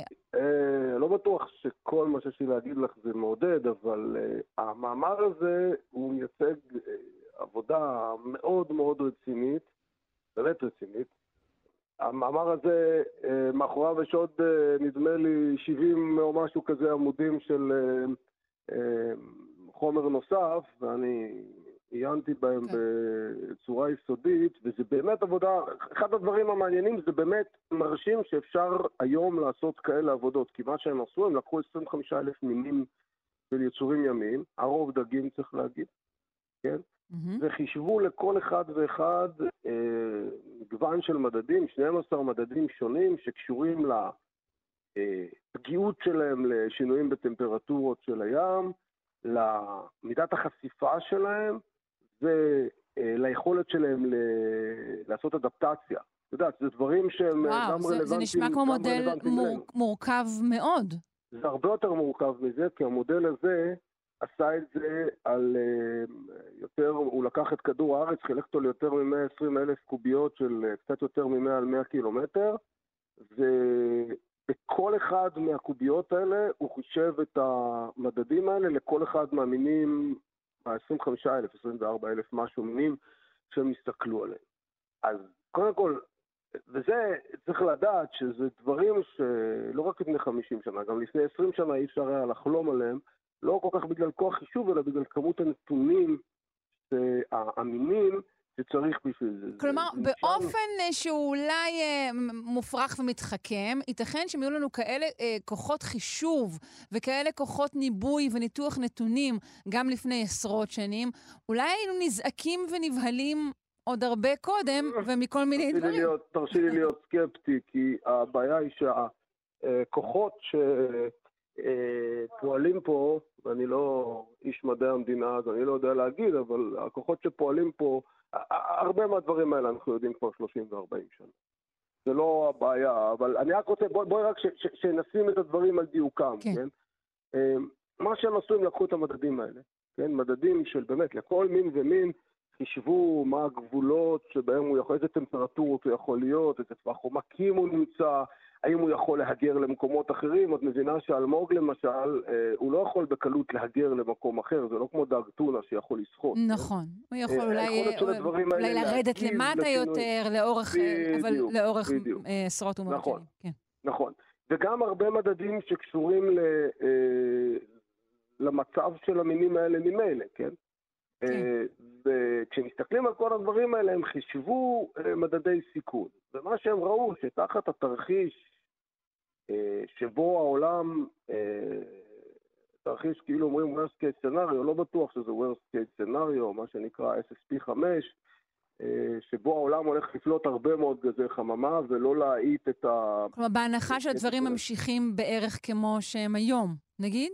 אה, יש, זה, זה סיפור אחר סופר מעניין של התרחישים השונים שהמדענים משתמשים בהם בשביל אה, אה, בכלל לנסות לחזות או להעריך מה הולך לקרות בעתיד, כי את מבינה שזה לא ככה להגיד אה, עסקים כרגיל, זה לא כזה פשוט. עסקים כרגיל זה מה, שהעולם עובר לפרגמנטציה כמו שעכשיו קורה עם אה, מלחמת אוקראינה ועם האי-יציבות באסיה, או שהעולם הולך למערכת יציבה וגלובלית עם אה, שימוש נרחב בגזי חממה, אבל גם אה, אה, הרבה מאוד פעולות למיטיגיישן, שזה כן. דרך אגב התרחיש שהם בדקו. אוקיי. אה, או, את יודעת, יש תרחישים מאוד מאוד גרועים, כן? ויש תרחישים, אז, אז כל תרחיש יש לו, אבל, אבל אנשים עשו עבודה מאוד מאוד גדולה בשביל לנסות לייצר תרחישים סטנדרטיים שכולם יכולים להתייחס אליהם. אוקיי. אחד מהם הוא התרחיש הזה שהם הסתכלו עליו, שהוא התרחיש הכי גרוע מבחינת התחממות האוקיינוסים, נגיד. לא בטוח שהוא הכי גרוע מבחינת אנשים. שעל כמה מעלות אנחנו מדברים? על שלוש עד על חמש מעלות התחממות. נכון? סוף המאה. כן. תרחיש מאוד דרמטי, מאוד דרמטי. אה, שצריך להגיד את האמת ביושר, שאנחנו לא אה, יודעים היום להגיד מה יהיה באמת אה, המצב. זאת אומרת, כל המודלים שלנו הם מודלים שמתבססים על מה שמדדנו כבר ועל כל מיני תחזיות שהמערכות ימשיכו להתנהג באיזושהי צורה רגילה, אבל אנחנו בהחלט יכולים להיכנס בסיטואציות האלה לשינויים דרמטיים שלא חזינו אותם מראש. נכון, זה עלול להיות מהיר יותר, אנחנו רואים את זה בכל מיני תהליכים אחרים. מהיר יותר, זה יכול להיות ללכת לכל מיני כן, כיוונים אחרים. להפתיע אותנו פתאום. אבל בהנחה, בהנחה שהעסק הולך כמו שהתחזית הזאת היא הולכת, אז הם אמרו בואו נסתכל רגע על אה, מינים ימיים ונראה מי ייפגע, כי יש שם דגש גדול מאוד דרך אגב על מינים שאנחנו מנצלים אותם, גם כי יש עליהם הרבה מאוד אינפורמציה וגם כי זה מאוד רלוונטי ל- ל- לאנשים, כן, לסוציו-אקונומיה, ל... אה, כן, כשהם הסתכלו על זה וחישבו את אה, מדדי הסיכון, אז הם באמת מצאו שתחת התרחיש הגרוע של פליטות גרוע, אה, הולכות ועולות אה, של גזי חממה, או לפחות לא נעצרות כל כך מהר, כן? אה, מה שנקרא SSP 585, אז זה, תרחיש שבו אה, אנחנו באמת נקבל רוב המינים הימיים שהם בדקו, כן? אה, יהיו אה, בסיכון, שאמרתי, חלק גדול מאוד מהמינים האלה יש להם ערך מסחרי. זהו, בוא נד... ערך מסחרי, אבל ערך אה, אה, יותר ממסחרי, ערך קיומי ל- ל- שקשור ב- ל- לקיום המין האנושי וקשר שאי אפשר נכון, לנתק נכון, אותו. נכון, זה, זה נכון, זה נכון. ואם הנפגעים העיקריים, דרך אגב, יהיו מצד אחד אה, דברים כמו אלמוגין, ומצד שני אה, טורפים גדולים, אה, והדגים הכי חשובים ל- לנו ב- כ- כ- כמקור מזון, אבל בואי נגיד את האמת, כן?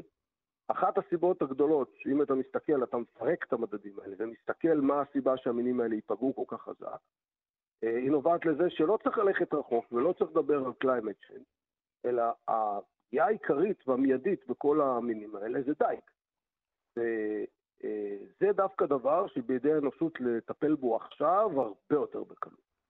כי הדייג אה, הגלובלי, הממוסחר וגם המקומי, אה, הארטיזני, את יודעת, הדייגים, אפילו הדייגים שיוצאים עם הבוסים שלהם לחוף בדגים, בגלל שאנחנו כל כך הרבה היום, אה, הוא המקור פגיעה, א', המיידי, ב', העיקרי בכל האוכלוסיות האלה, והוא גם גורם, אם מנתחים את הגורמי סיכון שהם דיברו עליהם, כן, אם תוציא משם את הדייג, חלק גדול מאוד מהמינים האלה, אה, המצב שלהם יהיה הרבה יותר טוב. גם בעלייה של, של, גם של שלוש בעלייה- מעלות? כן. אה, לא, רגע, אוקיי. תשמעי, שנייה. בואי נגיד את הדברים כמו שהם. כן? אה, הרבה מאוד מינים ייפגעו, הרבה מאוד מינים יהגרו. אה, שוניות אלמוגים, כמו שאנחנו מכירים אותם, ייעלמו משטחים גדולים בעולם. דרך אגב, חלק מהחדשות הגרועות הם מסתכלים על המודלים שלהם, זה לא רק שאחוז כל כך גדול של המינים נפגע, רוב המינים שנפגעים ורוב הפגיעות הם באזורים חופיים, זאת אומרת שמי שירגיש את הפגיעה הכי חזק זה אנחנו שמשתמשים במים החופיים, ומכל האזורים שנפגעים בעולם, האזורים שלנו של מזרח הים התיכון, גם מהצד של הים האדום וגם מהצד של הים התיכון, הם. בסכנה הכי גדולה, אם תסתכלי, ישראל לא שמה כל כך, אבל אם תסתכלי על ארצות שייפגעו הכי הרבה, נגיד סוריה ולבנון מככבות שם למשל, את יודעת, וכווית וקטר, כן? אה, וזאת אומרת, אה, אנחנו באזור שהולך להיפגע חזק מאוד. אה, אוי. אבל אני אומר עוד פעם, צריך לשים לב טוב, אם מסתכלים ו- ומסתכלים על המספרים ומסתכלים על האינדקסים האלה ומבינים על מה מדובר, המקור העיקרי, הראשון והחזק ביותר לפגיעה באוכלוסיות האלה של הדגים והכרישים והיונקים הימיים, זה אה, דייג מכוון ולא מכוון. אה, צריך לציין גם, אפשר, את זה אפשר היה. לעצור אפילו, אפילו מהר, אתה אומר. לא, אפשר לעצור מחר. כן. אנשים לא, אה, מעט מאוד אנשים בארץ לוקחים רובה והולכים לצוד ציפורים, כן? אני מסתכל פה על הגינה שלי ויש ציפורים ולא לעין דעתי אה, לירות בהם, אבל זה תחביב מאוד מקובל ללכת ולדוג,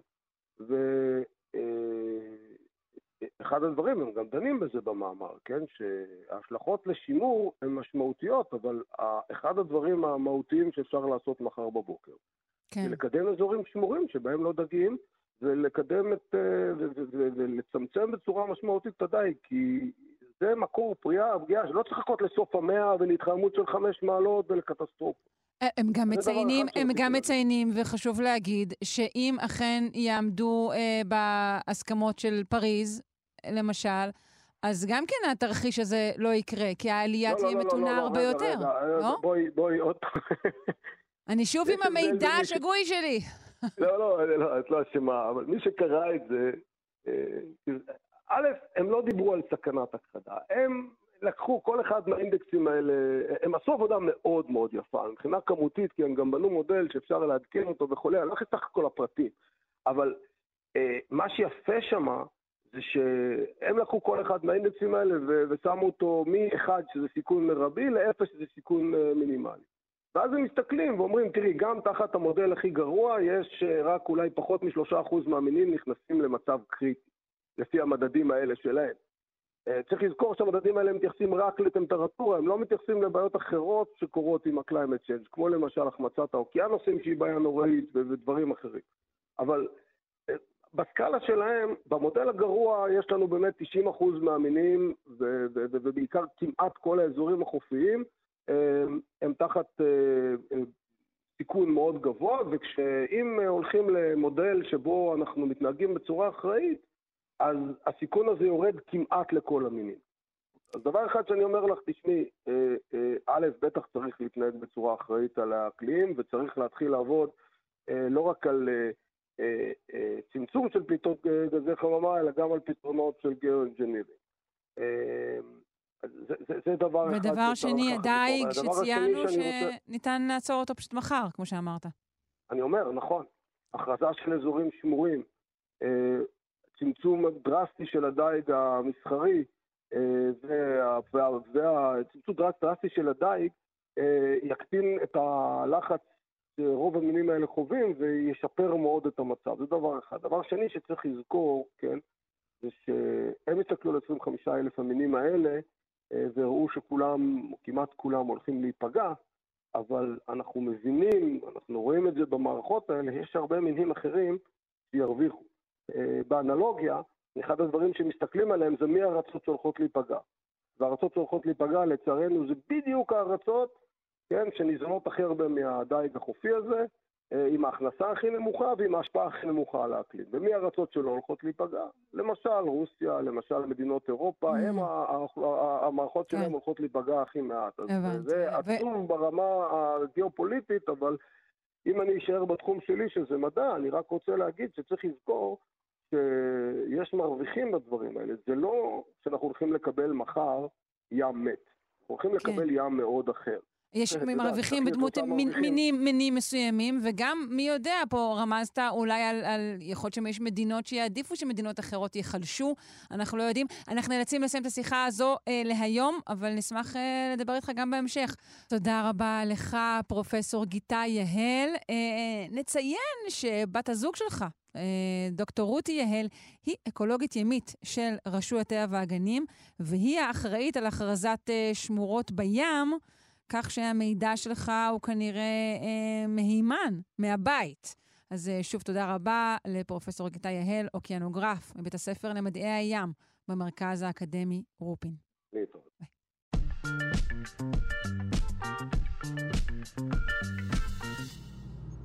אנחנו רוצים לדבר על uh, חומצה היאלורונית לעוברים. לא, לא, לא, לא מדובר בטיפולים קוסמטיים לילדים שטרם נולדו. לא להילחץ, למרות שזה דבר שאני לא יודעת, זה דבר שיכול לקרות, אני לא אתפלא אם נשמע עליו בקרוב, אה, אה, אלא אל שיפור של אה, הליך ההפריה. נשוחח על העניין המרתק הזה עם הדוקטור דבורה הימן מהפקולטה לרפואה באוניברסיטה העברית ומבית החולים קפלן. שלום. שלום, שלום. תודה ש... איזה כיף שאתם הזמנתם אותי. תודה רבה לך אה, שבאת. אז קודם כל אנחנו מכירים את החומצה היאלורונית באמת בעיקר מקוסמטיקה. נכון, נכון. אז אנחנו לא השתמשנו בזה אה, אה, בתחום הקוסמטי. אה, אנחנו השתמשנו בזה. כן, בהפרעה. זהו, מה, מהו החומר הזה ככלל? מה את יכולה לספר לי עליו? אז uh, um, החומר עצמו, uh, זה אותו חומר, אבל משתמשים בזה בתהליך של הפריה חוץ גופית. אז uh, בתוך התהליך הזה יש uh, מספר שלבים של, של התהליך של ההפריה חוץ גופית. אז הראשון אנחנו מנסים לגדל את הזקיקים, אחר כך אנחנו שואבים את הזקיקים, אחר כך זה השלב הרומנטי, כשהביצית והזרע נפגשים ומייצרים עובר. Um, והשלב הרביעי, שזה השלב שאנחנו התרכזנו בו, זה ה- שאנחנו מחזירים את העובר לרחם. ו- וכאן שעשינו- בעצם בדקתם השוואה, ש... כאילו, נכון? לקחתם רחם שיש בו ריכוז גבוה של חומצה היאלורונית. אה, קצת. Um, אז לפני שאנחנו מחזירים את העובר לרחם, um, העובר נמצא באיזשהו נוזל. אז uh, אנחנו, בת, בתוך הנוזל הזה יש אפשרות לשים uh, חומרים ולראות אם החומרים הזה עוזר um, את כל השיעורי, um, שיעורי ההיריון ושיעורי לידות חי, um, וזה כל התוצאות uh, של ה... Um, התהליך. אז זה, זה, זה מה שבדקנו. אם, אם אנחנו שמים את החומצה הלירונית בתוך הנוזל לפני שאנחנו מחזירים את העובר לרחם, אם זה um, עוזר um, בתוצאות IVF שלנו. ומה גיליתם? Um, שכן. יפה, תודה רבה. אז, אה, אז, אה, וכן, אז ראינו, אמ, אז מה שעשינו זה מחקר שקוראים לזה קוקריין, אמ, שזה ארגון גג אמ, עם סטנדרטים מאוד גבוהים, שמזה מייצר את כל ה-guidelines הבינלאומיים, אמ, ולוקחים את כל המחקרים עם הסטנדרטים הגבוהים, קוראים לזה randomized control trials, אמ, ושמים אותם ביחד, אמ, ומנסה להבין את התמונה המלאה, ורק מזה אפשר להמליץ, אה, לתת המלצות רפואיות אה, על, על מה עוזר ומה לא עוזר. כי לפעמים יש מחקר אחד שאומר שמשהו עוזר, מחקר שני שאומר שזה לא עוזר, מחקר שלישי שאומר שזה עושה נזק, אז אה, מה שזה עושה זה, זה לוקח הכל ביחד, כל המספרים, גם נותנים כל המחקר, ערך של האיכות של המחקר, כמה אנשים יהיו בתוך המחקר, איך שזה המחקר, איך שהם עשו את המחקר, אה, ומזה מבינים את התמונה המלאה, ומזה אפשר אה, לתת המלצות. זה מה שעשינו שתי מחקרים כאלה, אה, ובאמת ראינו שה... השימוש, החומצה ההיאלורוניק, זה מעלה את השיעור של לידות חי, זה מעלה את השיעור של הריונות, גם רוב המחקרים אה, החזירו מספר עוברים לרחם, אז בגלל זה משפר את השיעור של הדרכה, גם ראינו יותר הריון אה, מורבה עוברים. אה, וגם היה איזשהו גם תוצאה שאולי, אולי, אולי, זה גם עוזר להוריד את השיעור של ההפלות. אוקיי, okay, מה, מה ההבדל בעצם, נכון? המחקר הראה אה, הבדלים בין ביצית של האם לבין ביצית של תורמת? נכון, נכון. אז אחרי הקוקריין, שבדקנו את הדברים הכלליים um, על כל ה... Um, על, על כל האוכלוסייה, אז רצינו לבדוק גם את הנושא של תרומות ביצית, כי ה, um, עכשיו יש מגמה שנשים uh, בגיל יותר ויותר מבוגר מתחילים עם התוכניות המשפחתיות שלהם. אז העניין של תרומת ביצית זה יותר ויותר רלוונטי. אז אנחנו בדקנו um, האם יש הבדל בין נשים שמשתמשות בביציות שלהן um, או שמשתמשים ב, uh, בתרומת ביצית. אז uh, כן, אז התשובות היו, מה שמצאנו, um, שהיה הבדלים רק בנשים שהשתמשו בביציות שלהם ולא בתחומת ביצית. Um, שהיה עלייה בשיעור של אותות חי, היה עלייה בשיעור של הריונות וגם היה עלייה בשיעור של הריון מרובה עוברים. אנחנו בודקים ואולי... את ההשפעות הטובות של החומצה ההיאלורונית. אז, אז את אומרת שההבדלים היו בעיקר בביצית שלהם. איך אנחנו מסבירים את, ה, את ההבדל הזה? אה, שאלה מאוד מאוד מאוד טובה, גם אנחנו ניסינו להבין את זה. אז uh, במחקר הראשון שעשינו, um, אחת האנליזות שאנחנו, um, uh, שאנחנו עשינו היה um, על um, נשים שהיה להן uh, פרוגנוזה יותר טובה, um, מול נשים שהיה להן פרוגנוזה יותר גרועה. ולראות אם החומצה ההיאלורונית היה השפעה יותר או פחות או כן או לא בשתי הקבוצות האלה. זה השפיע על האפקט של החומצה ההיאלורונית. Um, ומצאנו שזה עוזר גם וגם, אבל ההשפעה היה כפול שלוש נשים שהיה להם תוצ... um, פרוגנוזה לא טובה. אה, כלומר, יודעים... זה משהו כמעט טריוויאלי, אז אפשר לומר שברגע שהפרוגנוזה טובה פחות, כלומר שיש לנו פוטנציאל אה, יותר גדול, ל, אה, שוב, ל, שלא ייווצר עובר, שהעובר יהיה מת, אז אנחנו רואים את האפקט בצורה גבוהה יותר. Um, אז, אז זה, לא, זה לא זה, כי אנחנו משפיעים את זה מול... נשים ש... like, אנשים עם פרוגנוזה טובה, שיש הליוניק אסיד, מול נשים עם פרוגנוזה טובה שאין להם הליוניק אסיד. אנשים שיש להם פרוגנוזה um, לא טובה עם הליוניק אסיד, מול אנשים, mm, okay, עם אוקיי, פרוגנוזה okay, לא טובה okay. אוקיי. um, עם הליוניק אסיד. אז, uh, אז uh, ההשפעה היה יותר גדולה בנשים ש... uh, שהיה פרוגנוזה דווקא לא טובה. um, שיכול להעיד על אולי um, החומצה ההיאלורונית נותן איזשהו משהו שחסר בנשים שיש להן פרוגנוזה לא טובה. אולי זה, זה um, נותן איזושהי תוספת ש, um, בתוך התהליך של השרשה ש, ש, שחסר אצלם. ואיך אנחנו, איך זה קשור לתחומות ביציות. אנחנו יודעים שתחומות ביציות מתחומות ביצית הן בדרך כלל באיכות יותר גבוהה. נשים יותר צעירות, אין להן בעיות פוריות והכל. Um, לעומת אנשים שמגיעים ל-IVF uh, בגלל uh, איזושהי בעיה פוריות. שהבוק... ש... שהביציות יכול להיות באיכות קצת יותר נמוכה מנשים ש... שיש um, לוקחים ביצית ממישהי שאין להם, להם איזושהי בעיה בפוריות. Okay. אז יכול להיות שזה מסביר את ההבדל. יכול להיות גם שהמספר האנשים בתוך המחקרים שעשו על האנשים האלה זה יותר נמוכים, אז יש פחות מחקרים שבודקים רק אנשים ש... um, עם תחומת ביצית, לעומת אנשים שמשתמשים בביציות שלהם, ואולי גם יש בזה איזושהי השפעה על התוצאות. אמרת, יש משהו בחומצה ההיאלורונית, אבל בעצם לא דיברנו על איזה תכונה של החומצה הזו היא זו אה, שמשפרת את אה, הסיכויים ללידה טובה לעובר חי. מה, מהי התכונה הזו? Um, שאלה מאוד טובה. אז יש הרבה מחקרים שבודקים את זה, like, למה, למה, זה, למה, זה, למה זה, איך זה משפר.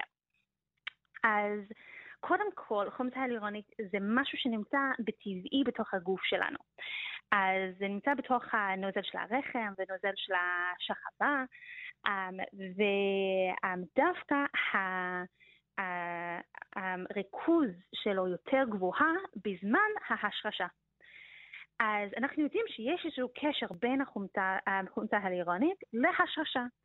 והיה כמה אנשים שניסו להבין, אז מה זה הקשר הזה? וכמה אנשים אומרים שזה, או מצאו, שיש משהו שזה עושה בכל התהליכים בתוך התא עצמו, שעוזר uh, את התהליך של ההשרשה, וגם יש מחקרים שקוראים לזה adhesion compounds, um, או embryo glue.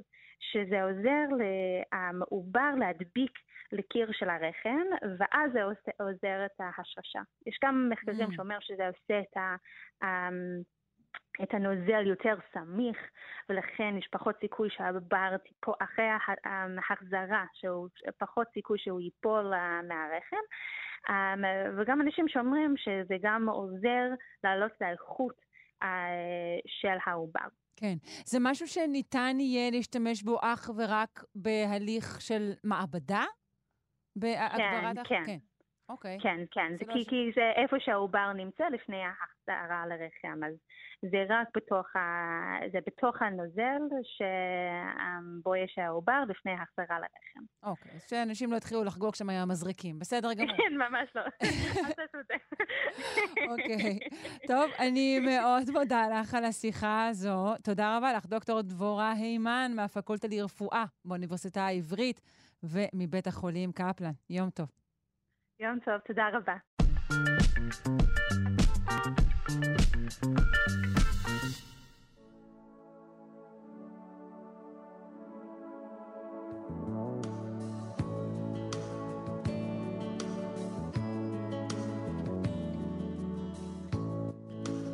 הצלילים אמנם נעימים לאוזן, אבל מה עם הריח?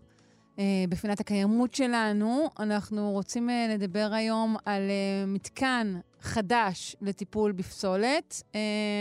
ליאיר אנגל, מעצב ומנכ"ל קיימה, מרכז התכנון ועיצוב מקיים. יש כמה וכמה דברים להגיד על המתקן הזה. היי, יאיר. בוקר טוב. בוקר אור. ולא רק על המתקן הזה, על, בעצם על משבר הפסולת שמדינת ישראל אה, נמצאת בו כבר כמה וכמה שנים. אני לא חושבת שיש לנו כרגע יכולת אה, לקיבולת של המילה משבר ליד מילה נוספת לידה, אז תצטרך לבחור מילה אחרת. בעיית אתגר הפסולת. או, או, כאן אתה מדבר, אתגר הפסולת. בבקשה. אתגר הפסולת של מדינת ישראל. אוקיי. אז... אה, על כן, מה מדובר כאן? אה... נכון, מדובר על, על מתקן שמדברים עליו, אה, לדעתי כבר... אה, אמ, כשנה, חצי שנה, נכון? משהו ליד ראשון לציון? בדרכים שונות ומשונות מדברים עליו יותר מעשור. אוקיי. אה, לוקח הרבה זמן להחליט ולעשות החלטות, וכרגע החליטו אה, אה, להקים אותו. על איזה פסולת מדובר, איזה טכניקה, איפה? אז מי שאישר את זה זה בעצם ועדת המשנה של המועצה הארצית לתכנון ובנייה, והתוכנית זה הקמה של מתקן גדול לטיפול בפסולת שהוא יהיה ליד ראשון לציון, ליד השפד"ן, איפה שמטפלים גם במי השופכין של, של האזור, משום מה החליטו לשים את הכל שם. אה, ליד ראשון לציון, ואנשי ראשון לציון בראשות ראש העירייה. אין, אין משום מה. בוא תבדוק מי גר ליד, ואז תדע משום מה. הכל בסדר, נכון. הכל רגיל. זה, זה בסדר גמור, דרך אגב, יש להם גם סיבות. אה, היה, הם הגישו ערר נגד התוכנית, אה, תושבים של העיר ו- והעירייה, וכנגד הפעילות של המתקן. הפינו, הפעילות שלו אמורה לשמש למיון פסולת, לייצר דשן חקלאי, כלומר קומפוסט, ולהפיק אנרגיה. והיא צפו- צפויה להקטין משמעותית את הפסולת שאותה, שיעבירו להטמנה בנגב. נו, אז זה נשמע מעולה, ואנשי אה, ראשון הם סתם אה, מקרה נימבי קלאסי, not in my backyard, וזהו, לא? אז קודם כל אני חושב נתעכב רגע על הנימבי הזה, כי חלק מהאנשים לא מכירים את זה, כי נימבי not in my backyard זה מושג מלפני אולי 30-40 שנה, שהגיע מארצות הברית, שכמובן אף אחד לא רוצה, רוב האנשים לא מעוניינים שיהיה לידם, אולי יש כאלה שאוהבים את הריח, אה, מתקני טיפול בפסולת ושאר אה, אה, דברים שצריכים לטפל בהם, ויש להם תמיד איזשהו אה, חשש שזה יכול להשתבש. עכשיו, אה, אה, יכול להיות שהם צודקים, אני לא בטוח שהייתי רוצה את המתקן הזה ליד הבית שלי, בכנות. לא, העניין אף הוא- אחד לא רוצה שום דבר בעייתי לא ליד רוצה הבית שלו, דבר. אבל אנשים, מה שמיוחד ב- ב- בביטוי הזה, בנימבי, זה שאנשים לא אומרים, זה לא צריך להיות בכלל. נכון. זה רק לא צריך להיות פה.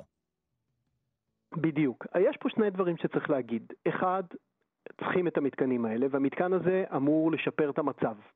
כי מדברים על זה שלא יהיה בישראל תוך שנתיים-שלוש מקום להטמנה.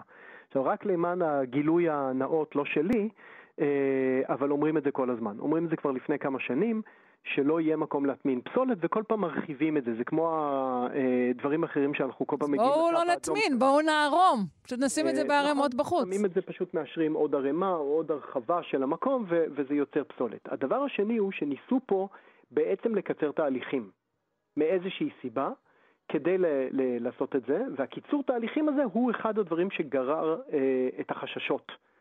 אה, כי לא עשו בדיקות סביבתיות נאותות לדבר הזה, ובסופו של דבר החליטו, הוועדה החליטה שכן הם מוציאים את זה לדרך. העניין הוא שאמורים אה, לטפל פה בפסולת שלא הופרדה במקור. אז אני אסביר. אנחנו בישראל, רובנו, לא מפרידים את הפסולת שלנו במקור. אנחנו לוקחים את הפח, יש לנו פח ירוק, ואנחנו זורקים אליו את כל הדברים. מה פתאום, אנחנו מפרידים, אבל אנחנו גם יודעים שאחר כך עושים את הכל יחד בכל מקרה. אנחנו- לא, לא, לא, זה, זה דווקא לא נכון. לא? אה, אה, רק ככה. מספרים, אומרים לנו שאנחנו פראיירים, שאנחנו מפרידים. לא, קודם כל אנחנו אף פעם לא פראיירים. אנחנו תמיד מקדמים איזושהי, מה, מה, איזשהו מהלך שגם אם כרגע לא מטופל, הוא חייב להוביל לזה ש, שכן יטופל. עכשיו, מה שאני רוצה להסביר זה שברגע שאנחנו לא מפרידים במקור פסולת אורגנית, אוקיי? אנחנו בעצם מערבבים את הפסולת האורגנית הרטובה שלנו עם שאר הדברים, והכל הופך להיות איזה מין סלט נכון, אבל היו אה, ניסיונות כאלה, פח חום, נדמה לי, ש- שהיה אמור להכיל פסולת אורגנית בלבד. זה, נכון. זה לא קרה. אז בואי נעשה רגע סדר, בסדר? וכדי לעשות סדר צריך להבין את המאפיינים של הפסולת בישראל שהיא שונה, הם שונים באופן מהותי ממקומות אחרים במעולם, בעולם המערבי שאנחנו טוענים שאנחנו משתייכים אליו. בסדר, לא, אנחנו מיוחדים. נכון, אנחנו מאוד מיוחדים. יש לנו קודם כל המון פסולת, והרבה מהפסולת היא אורגנית. ישראלי ממוצע, עוד פעם יש כזה דבר, מייצר, אה, גם המילה מייצר פסולת זה גם אה, מילה מעניינת שצריך להתעכב עליה בהזדמנות, לא היום, 200 קילוגרם פסולת מול אירופאי שמייצר 110 קילוגרם פסולת. זה די הרבה.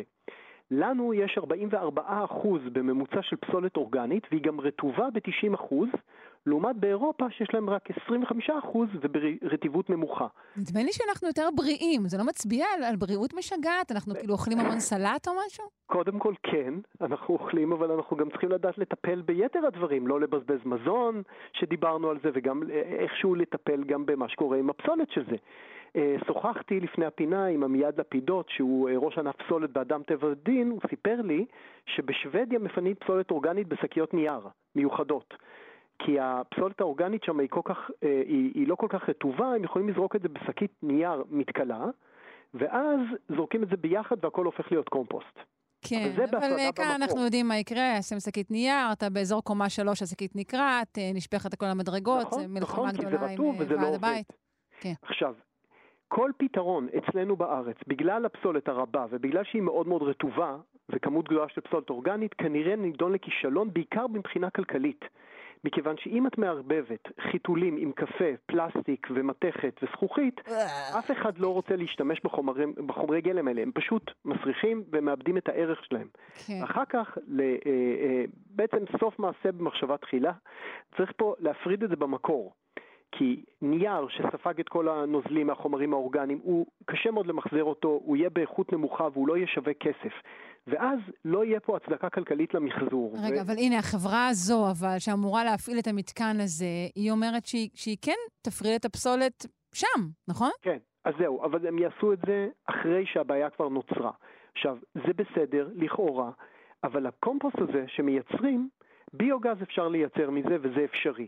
אבל קומפוסט, אי אפשר לייצר קומפוסט טוב וראוי לשימוש אם לא הייתה הפרדה במקור. יש על זה הרבה ויכוחים, אבל האיחוד האירופאי למשל הודיע שבשנת 2027 יהיה איסור מוחלט להשתמש בקומפוסט אה, שלא הייתה, לא נעשה בהפרדה במקור.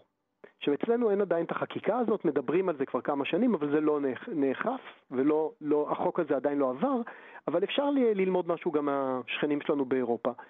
עכשיו כל הרעיון הוא שהמתקן הזה בערך יהיה גמור ב-2025 או 2027, תלוי מי, מי אומר, אבל זה אומר שמתי שהמתקן יהיה גמור, הוא כבר יהיה בניגוד לחוק האירופאי, ואני חושב שאף אחד מאיתנו לא רוצה לאכול ירקות ופירות שגדלו על קומפוסט מעורבב עם כל מיני כימיקלים וכל מיני דברים אחרים שאנחנו לא יכולים להפריד אותם, ויש עם זה בעיה. עכשיו, אה, אה, עוד פעם, יש לנו בעיה, ואנחנו קודם כל צריכים לצמצם את, ה, את, את השימוש שלנו בפסולת, את, ה, את השימוש שלנו במוצרים ולהוריד את כמות הפסולת, וחייבים לעשות את זה. גם בפלסטיק, וגם על זה דיברנו, אני רק אזכיר פה, יש אצלנו אה, 18% מהפסולת היא פלסטיק, באירופה, בארצות הברית זה 12% והכי נמוך ב-OECD. אנחנו מכורים לחד פעמי, אמנם המס על חד פעמי הוריד את זה ב-50%, את הצריכה פה בישראל, שזה מדהים, אבל אנחנו עדיין המובילים בעולם. ואם לא נצמצם את הפסולת במקור ולא נפריד אותה במקור, לא נצליח לעשות איזשהו שינוי מהותי. אה, רגע, בוא נחזור, בוא נחזור רגע לאתר המדובר. כן. אז, אז הבעיה שלך היא לא עם המקום ספציפית, ולא עם האתר ספציפית, אלא עם השיטה המוצעת? השיטה המוצעת, יש שם חלק מהמקור, חלק מהמתקן יעשה, י- ייצר ביוגז. ביוגז מייצרים מפסולת אורגנית בתהליך מיוחד, מייצרים איזה גז שאפשר להשתמש בו לאנרגיה. את השארית, שזה קומפוסט, אפשר, אה, אה, בוצה, אפשר לקמפסט אותה. עכשיו, אה, אם הבוצה הזאתי מיוצרת משאריות פסולת שהופרדו במקור, אפשר לעשות ממנה קומפוסט.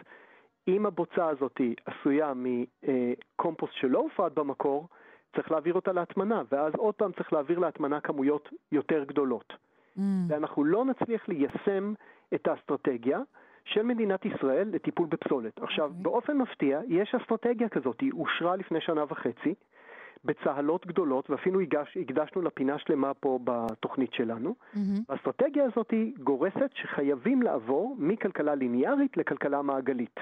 גם על זה אנחנו מדברים הרבה. כלומר, אנחנו צריכים לעבור מהשיטה הנוכחית שבה מייצרים דברים, משתמשים בהם, זורקים אותם ומטמינים אותם, או שורפים אותם, שזה עוד יותר גרוע בחלק מהמקרים, לשיטה שבה אנחנו סוגרים את המעגלים של השימוש בחומרים ומחזירים אותם לשימוש. אם מדובר בחומרים אורגניים, הם צריכים לחזור להיות חומרים או ביוגז או קומפוסט, וחומרים טכניים כמו פלסטיק, נייר, זכוכית, עץ, צריכים לחזור להיות חומרי גלם ולחזור לתוך המעגל במקום להיזרק. כן.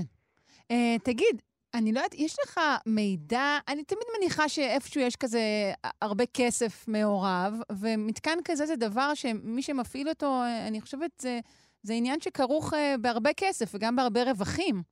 Uh, אתה יודע משהו על החברה שמקימה אותו? על חברת Zero Waste, אם הבנתי נכון? אני, אני לא רוצה להיכנס ספציפית לדיבור על החברה הזאת או חברה אחרת, זה תמיד אה, צריך לדעת בצורה מאוד מאוד מדויקת את הפרטים לפני שמדברים על זה. אני כן. רק רוצה להגיד, מעורבב בזה הרבה מאוד כסף. הרבה כסף, כן. הייתה תוכנית, עלו כמה תחקירים בנושאים האלה, היום יש עתירה, הוגשה עתירה של אה, אה, עמותת אדם טבע ודין, שהזכרתי פה, אה, כנגד מתקן לטיפול אה, פסולת שנמצא ליד יריחו.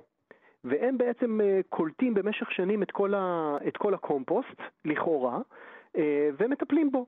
מסתבר שהקומפוסט הזה, מכיוון שהוא, מקור שלו בפסולת שמוינה לא במקור, אז כמו שאמרת, אסור יהיה הוא להשתמש בו. מלוכלך. כן. אה, וכרגע, אה, בעוד כמה שבועות, אה, העניין הזה עולה לערר בבית משפט, ורוב הסיכויים שהמתקן הזה הולך להיסגר. כלומר, הרעיון הזה, הרעיון הזה של אנחנו יכולים להמשיך עסקים כרגיל ולזרוק את הכל לפח, ואחר כך מישהו יעשה לנו את העבודה המגעילה והמסריחה ואיכשהו יפתור לנו את הדבר הזה, הוא לא יכול לעבוד. עכשיו, יש מקומות בישראל שזה עובד הסיפור הזה. אני אתן דוגמה אחת מצוינת. כן, וזאת תהיה דוגמה אחרונה, אנחנו כבר נכון. בחריגה אדירה. לגמרי, סליחה. אה, זיכרון יעקב, יש שם פחים חומים, אה, לפ- והפחים החומים האלה, מפרידים בהם התושבים את הפסולת לפסולת אורגנית במקור, ככה חומרים נעשים אה, אה, נקיים יותר, והכל עובר למתקן ביוגז ומטופל. ואנחנו חייבים להתחיל להניע את התוכנית האסטרטגית הזאת, ובשביל זה כמובן אנחנו צריכים מנהיגות חזקה. שצריכה לייצר סנכרון בין כל המערכות השונות ולהתחיל ליישם את האסטרטגיה הזאת ולצמצם את אתגר הפסולת במדינת ישראל. הצביעו למפלגה מקיימת. נכון. יאיר אנגל, מעצב ומנכ"ל קיימה, מרכז התכנון ועיצוב מקיים. אני מודה לך מאוד, להתראות. תודה.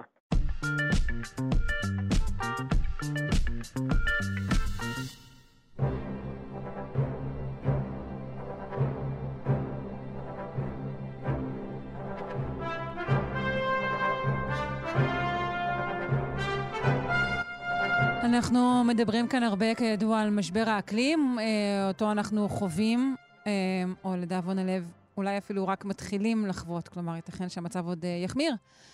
בדמות שינויי טמפרטורה קיצוניים ומופעי מזג אוויר לא שגרתיים, שכבר פוגעים באוכלוסיות רחבות בעולם. אנחנו רוצים להבין אה, בפינת הארכיאולוגיה שלנו איך השפיעו אירועים קיצוניים על חברות עבר. פרופסור גדעון אבני, המדען הראשי של רשות העתיקות, יסייע לנו אה, בעניין הזה. שלום. שלום, בוקר טוב. בוקר אור, מה שלומך? בסדר גמור. אה, ובכן, כשאנחנו מסתכלים באמת על המראות היום בחדשות, בטלוויזיה, אז אצל, אני חושב, אצל לא מעט ארכיאולוגים עולה השאלה, הרי דברים כאלה קרו בעבר. אה, מחזות אה, דומים, הם לא תועדו, לא היה לנו את אמצעי התיעוד, וצריך להודות על האמת, במשך הרבה שנים גם המחקר לא כל כך אה, עסק בתחומים האלה. ההיסטוריונים הקדומים לא תיארו אירועים אקלימיים. ה- גם הארכיאולוגים עסקו יותר בבנייה והריסה של ערים כתוצאה ממלחמות ואירועים מתועדים. אה, המצב הזה מאוד משתנה בשנים האחרונות, והרבה בגלל המציאות שאנחנו חיים בה, ואנחנו מתחילים להסתכל על אירועים בעבר, האם אנחנו יכולים קודם כל אה, אה, לחייל אותם, לדעת מה קרה בדיוק, מתי קרה, ואולי אולי גם ללמוד משהו על מה שקורה איתנו היום. רגע, אני, אני עושה שאלת ביניים, האם ייתכן שכל מיני ממצאים שאמרו, אה, אה, הכפר הזה פונה, או המשפחה הזו נמלטה, וייחסו את זה לאירועים, כמו שאמרת, מלחמות, התקפות, כל מיני דברים כאלה, ייתכן שהיו אלו אירועי טבע וזה פשוט פחות אה, נחקר, כי זה פחות היה אה, אה, בראש מעיינינו? בהחלט ייתכן, כי המצב שבו הטבע משפיע על התנהגות האדם במשך הרבה מאוד שנים אה, נחשב למצב מאוד מאוד קיצוני, והאדם הוא היה נזר הבריאה, הוא יודע להתגבר על כל התקלות, ופתאום אנחנו רואים שזה לא כל כך. עכשיו, איפה אנחנו רואים את זה? יש לפעמים באמת אירועים מאוד קיצוניים. אה, למשל, אה, אירוע כזה שכן תועד במקורות, אפילו מוזכר בקוראן, קרה בדרום תימן סביב שנת 580 לספירה, סקר ענק, הסקר, הסכר, סכר ענק, הסכר של מריב בדרום תימן נפרץ בגלל שיטפון. ההשפעה על היישובים בטווחים מאוד מאוד רחבים אה, הייתה השפעה אדירה, פשוט לא היה מים, אי אפשר היה להשקות את, את השדות, היישובים ניטשו. אה, אבל אלו באמת אה, יוצאי דופן כשמסתכלים על הרצף של ההתיישבות האנושית.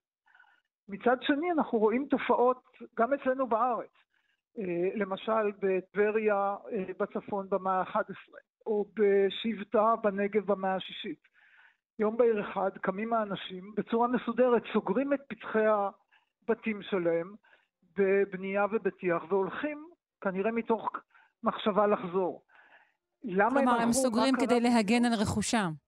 כדי להגן על הרכוש, וקורה משהו שמחייב אותם לעזוב. עכשיו, מה זה המשהו הזה? פתאום מתחילים לשאול מכיוונים חדשים, האם זה באמת הצטברות של אה, שנות בצורת? האם זה ירידה ביכולת לגדל גידולים חקלאיים? הרי גם היום, מעבר לתמונות הדרמטיות שאנחנו רואים, החשש הגדול הוא בפגיעה ביכולת הייצור של מזון, וזה בעצם גם... כן, אני בטוחה. שרבים מהמאזינים מיד אה, נזכרים בסיפור אברהם, לא? אברהם ירד מצרימה כי היה רעב, ואז אנחנו אומרים. לעצמנו, ככל הנראה זה מה שהיה פה. בדיוק. אם אנחנו הולכים לסיפור המקראי, אז אברהם יורד מכנען למצרים, כי במצרים יש שפע. אבל גם השפע במצרים הוא לא תמידי. אם אנחנו הולכים לסיפור של יוסף במצרים, הרי מה זה שבע השנים הטובות ושבע השנים הרעות? אלו הן שנות הבצורת. עכשיו, דווקא מצרים הוא אחד המקומות היחידים בעולם שקיים תיעוד היסטורי ארוך טווח לבצורות. הרי מצרים ניזונה מהנילוס.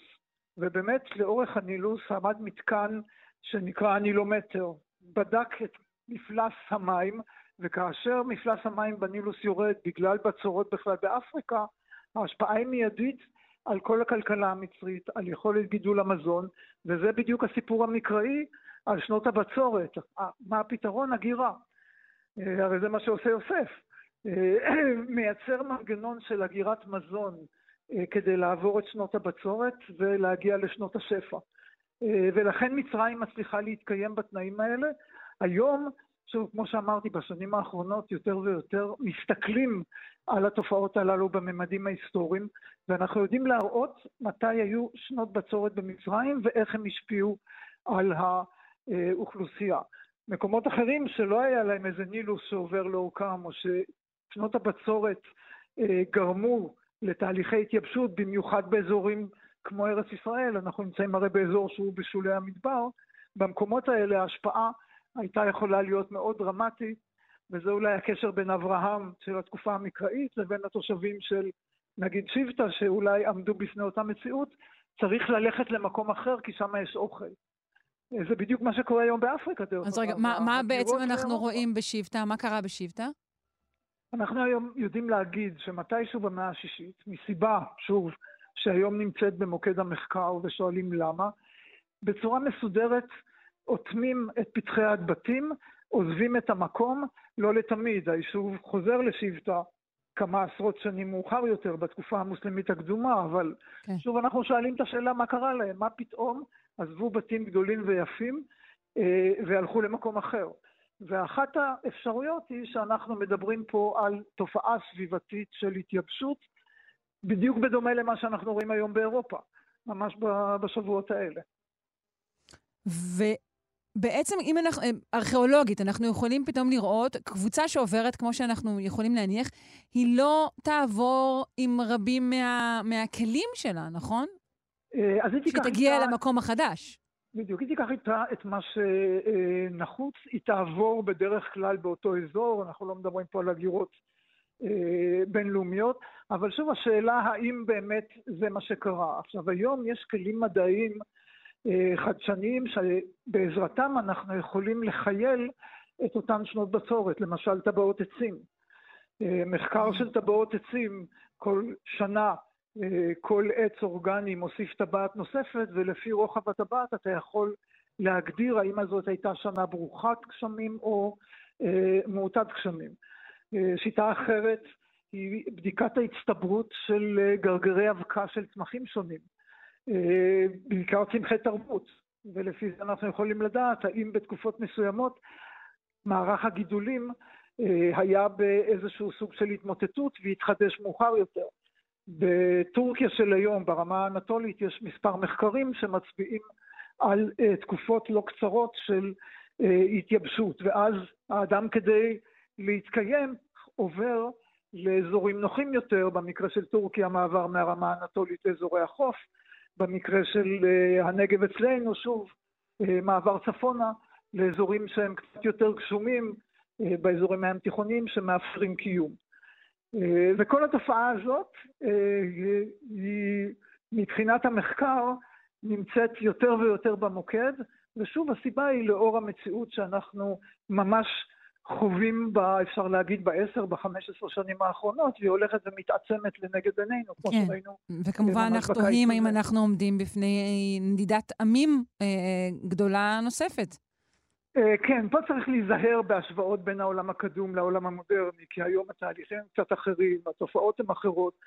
אה, אם תיקחי למשל את הנושא של המים, היום פותרים בעיות של מחסור במים על ידי התפלת מי ים, כמו שעושים בארץ, טכנולוגיה שכמובן לא הייתה מוכרת בעולם העתיק. כן. זאת אומרת, אפשר כן וגם-. וגם עדיין לא כל המדינות משתמשות בה. אה, בהחלט, זה דברים שנכנסים ומשתנים, אבל גם פה יש לנו איזה שהם רמזים מהעבר, למשל טכנולוגיות של השקיה קדומות שמתפתחות ומתעדכנות גם באזורים יבשים, היכולת להוביל מי תהום ממקום למקום מאוד מאוד משתכללת, ושוב, היום מתחילים לחשוב איך זה קרה, ואחת הפרשנויות היא שאזורים שהלכו והתייבשו, אה, האדם עשה ניסיונות נואשים כמעט להוביל אליהם מים מאזורים אה, פוריים יותר, דרך תעלות, אה, דרך מנגנונים של קליטה או איסוף מי תהום, זה שיטות מאוד מאוד מתוחכמות, שוב, של העולם העתיק, וכשאתה מסתכל מה הייתה הסיבה לזה, יכול להיות שאנחנו שוב חוזרים לאיזשהו גורם אקלימי שיניע את הצורך ואת התהליך הזה. זו בהחלט תופעה מאוד מעניינת, ואני מניח שבשנים הקרובות יותר ויותר מחקרים יסתכלו לכיוון הזה, שוב, עוד איזה סוג של קשר בין העבר להווה. מרתק, תודה רבה לך, פרופסור גדעון אבני, המדען הראשי של רשות העתיקות. להתראות. תודה, להתראות.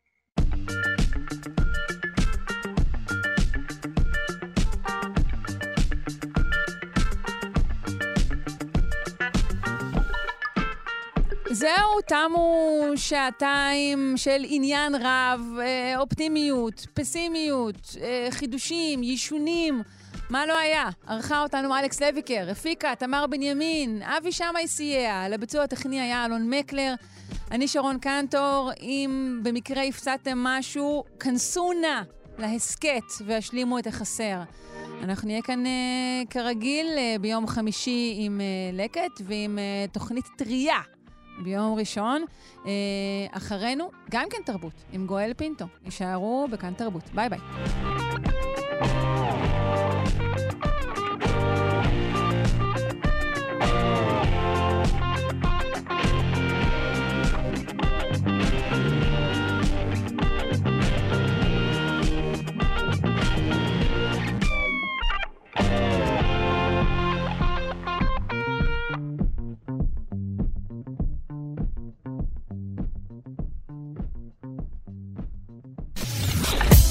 אתן מאזינות ואתם מאזינים לכאן הסכתים. כאן הסכתים, הפודקאסטים של תאגיד השידור הישראלי.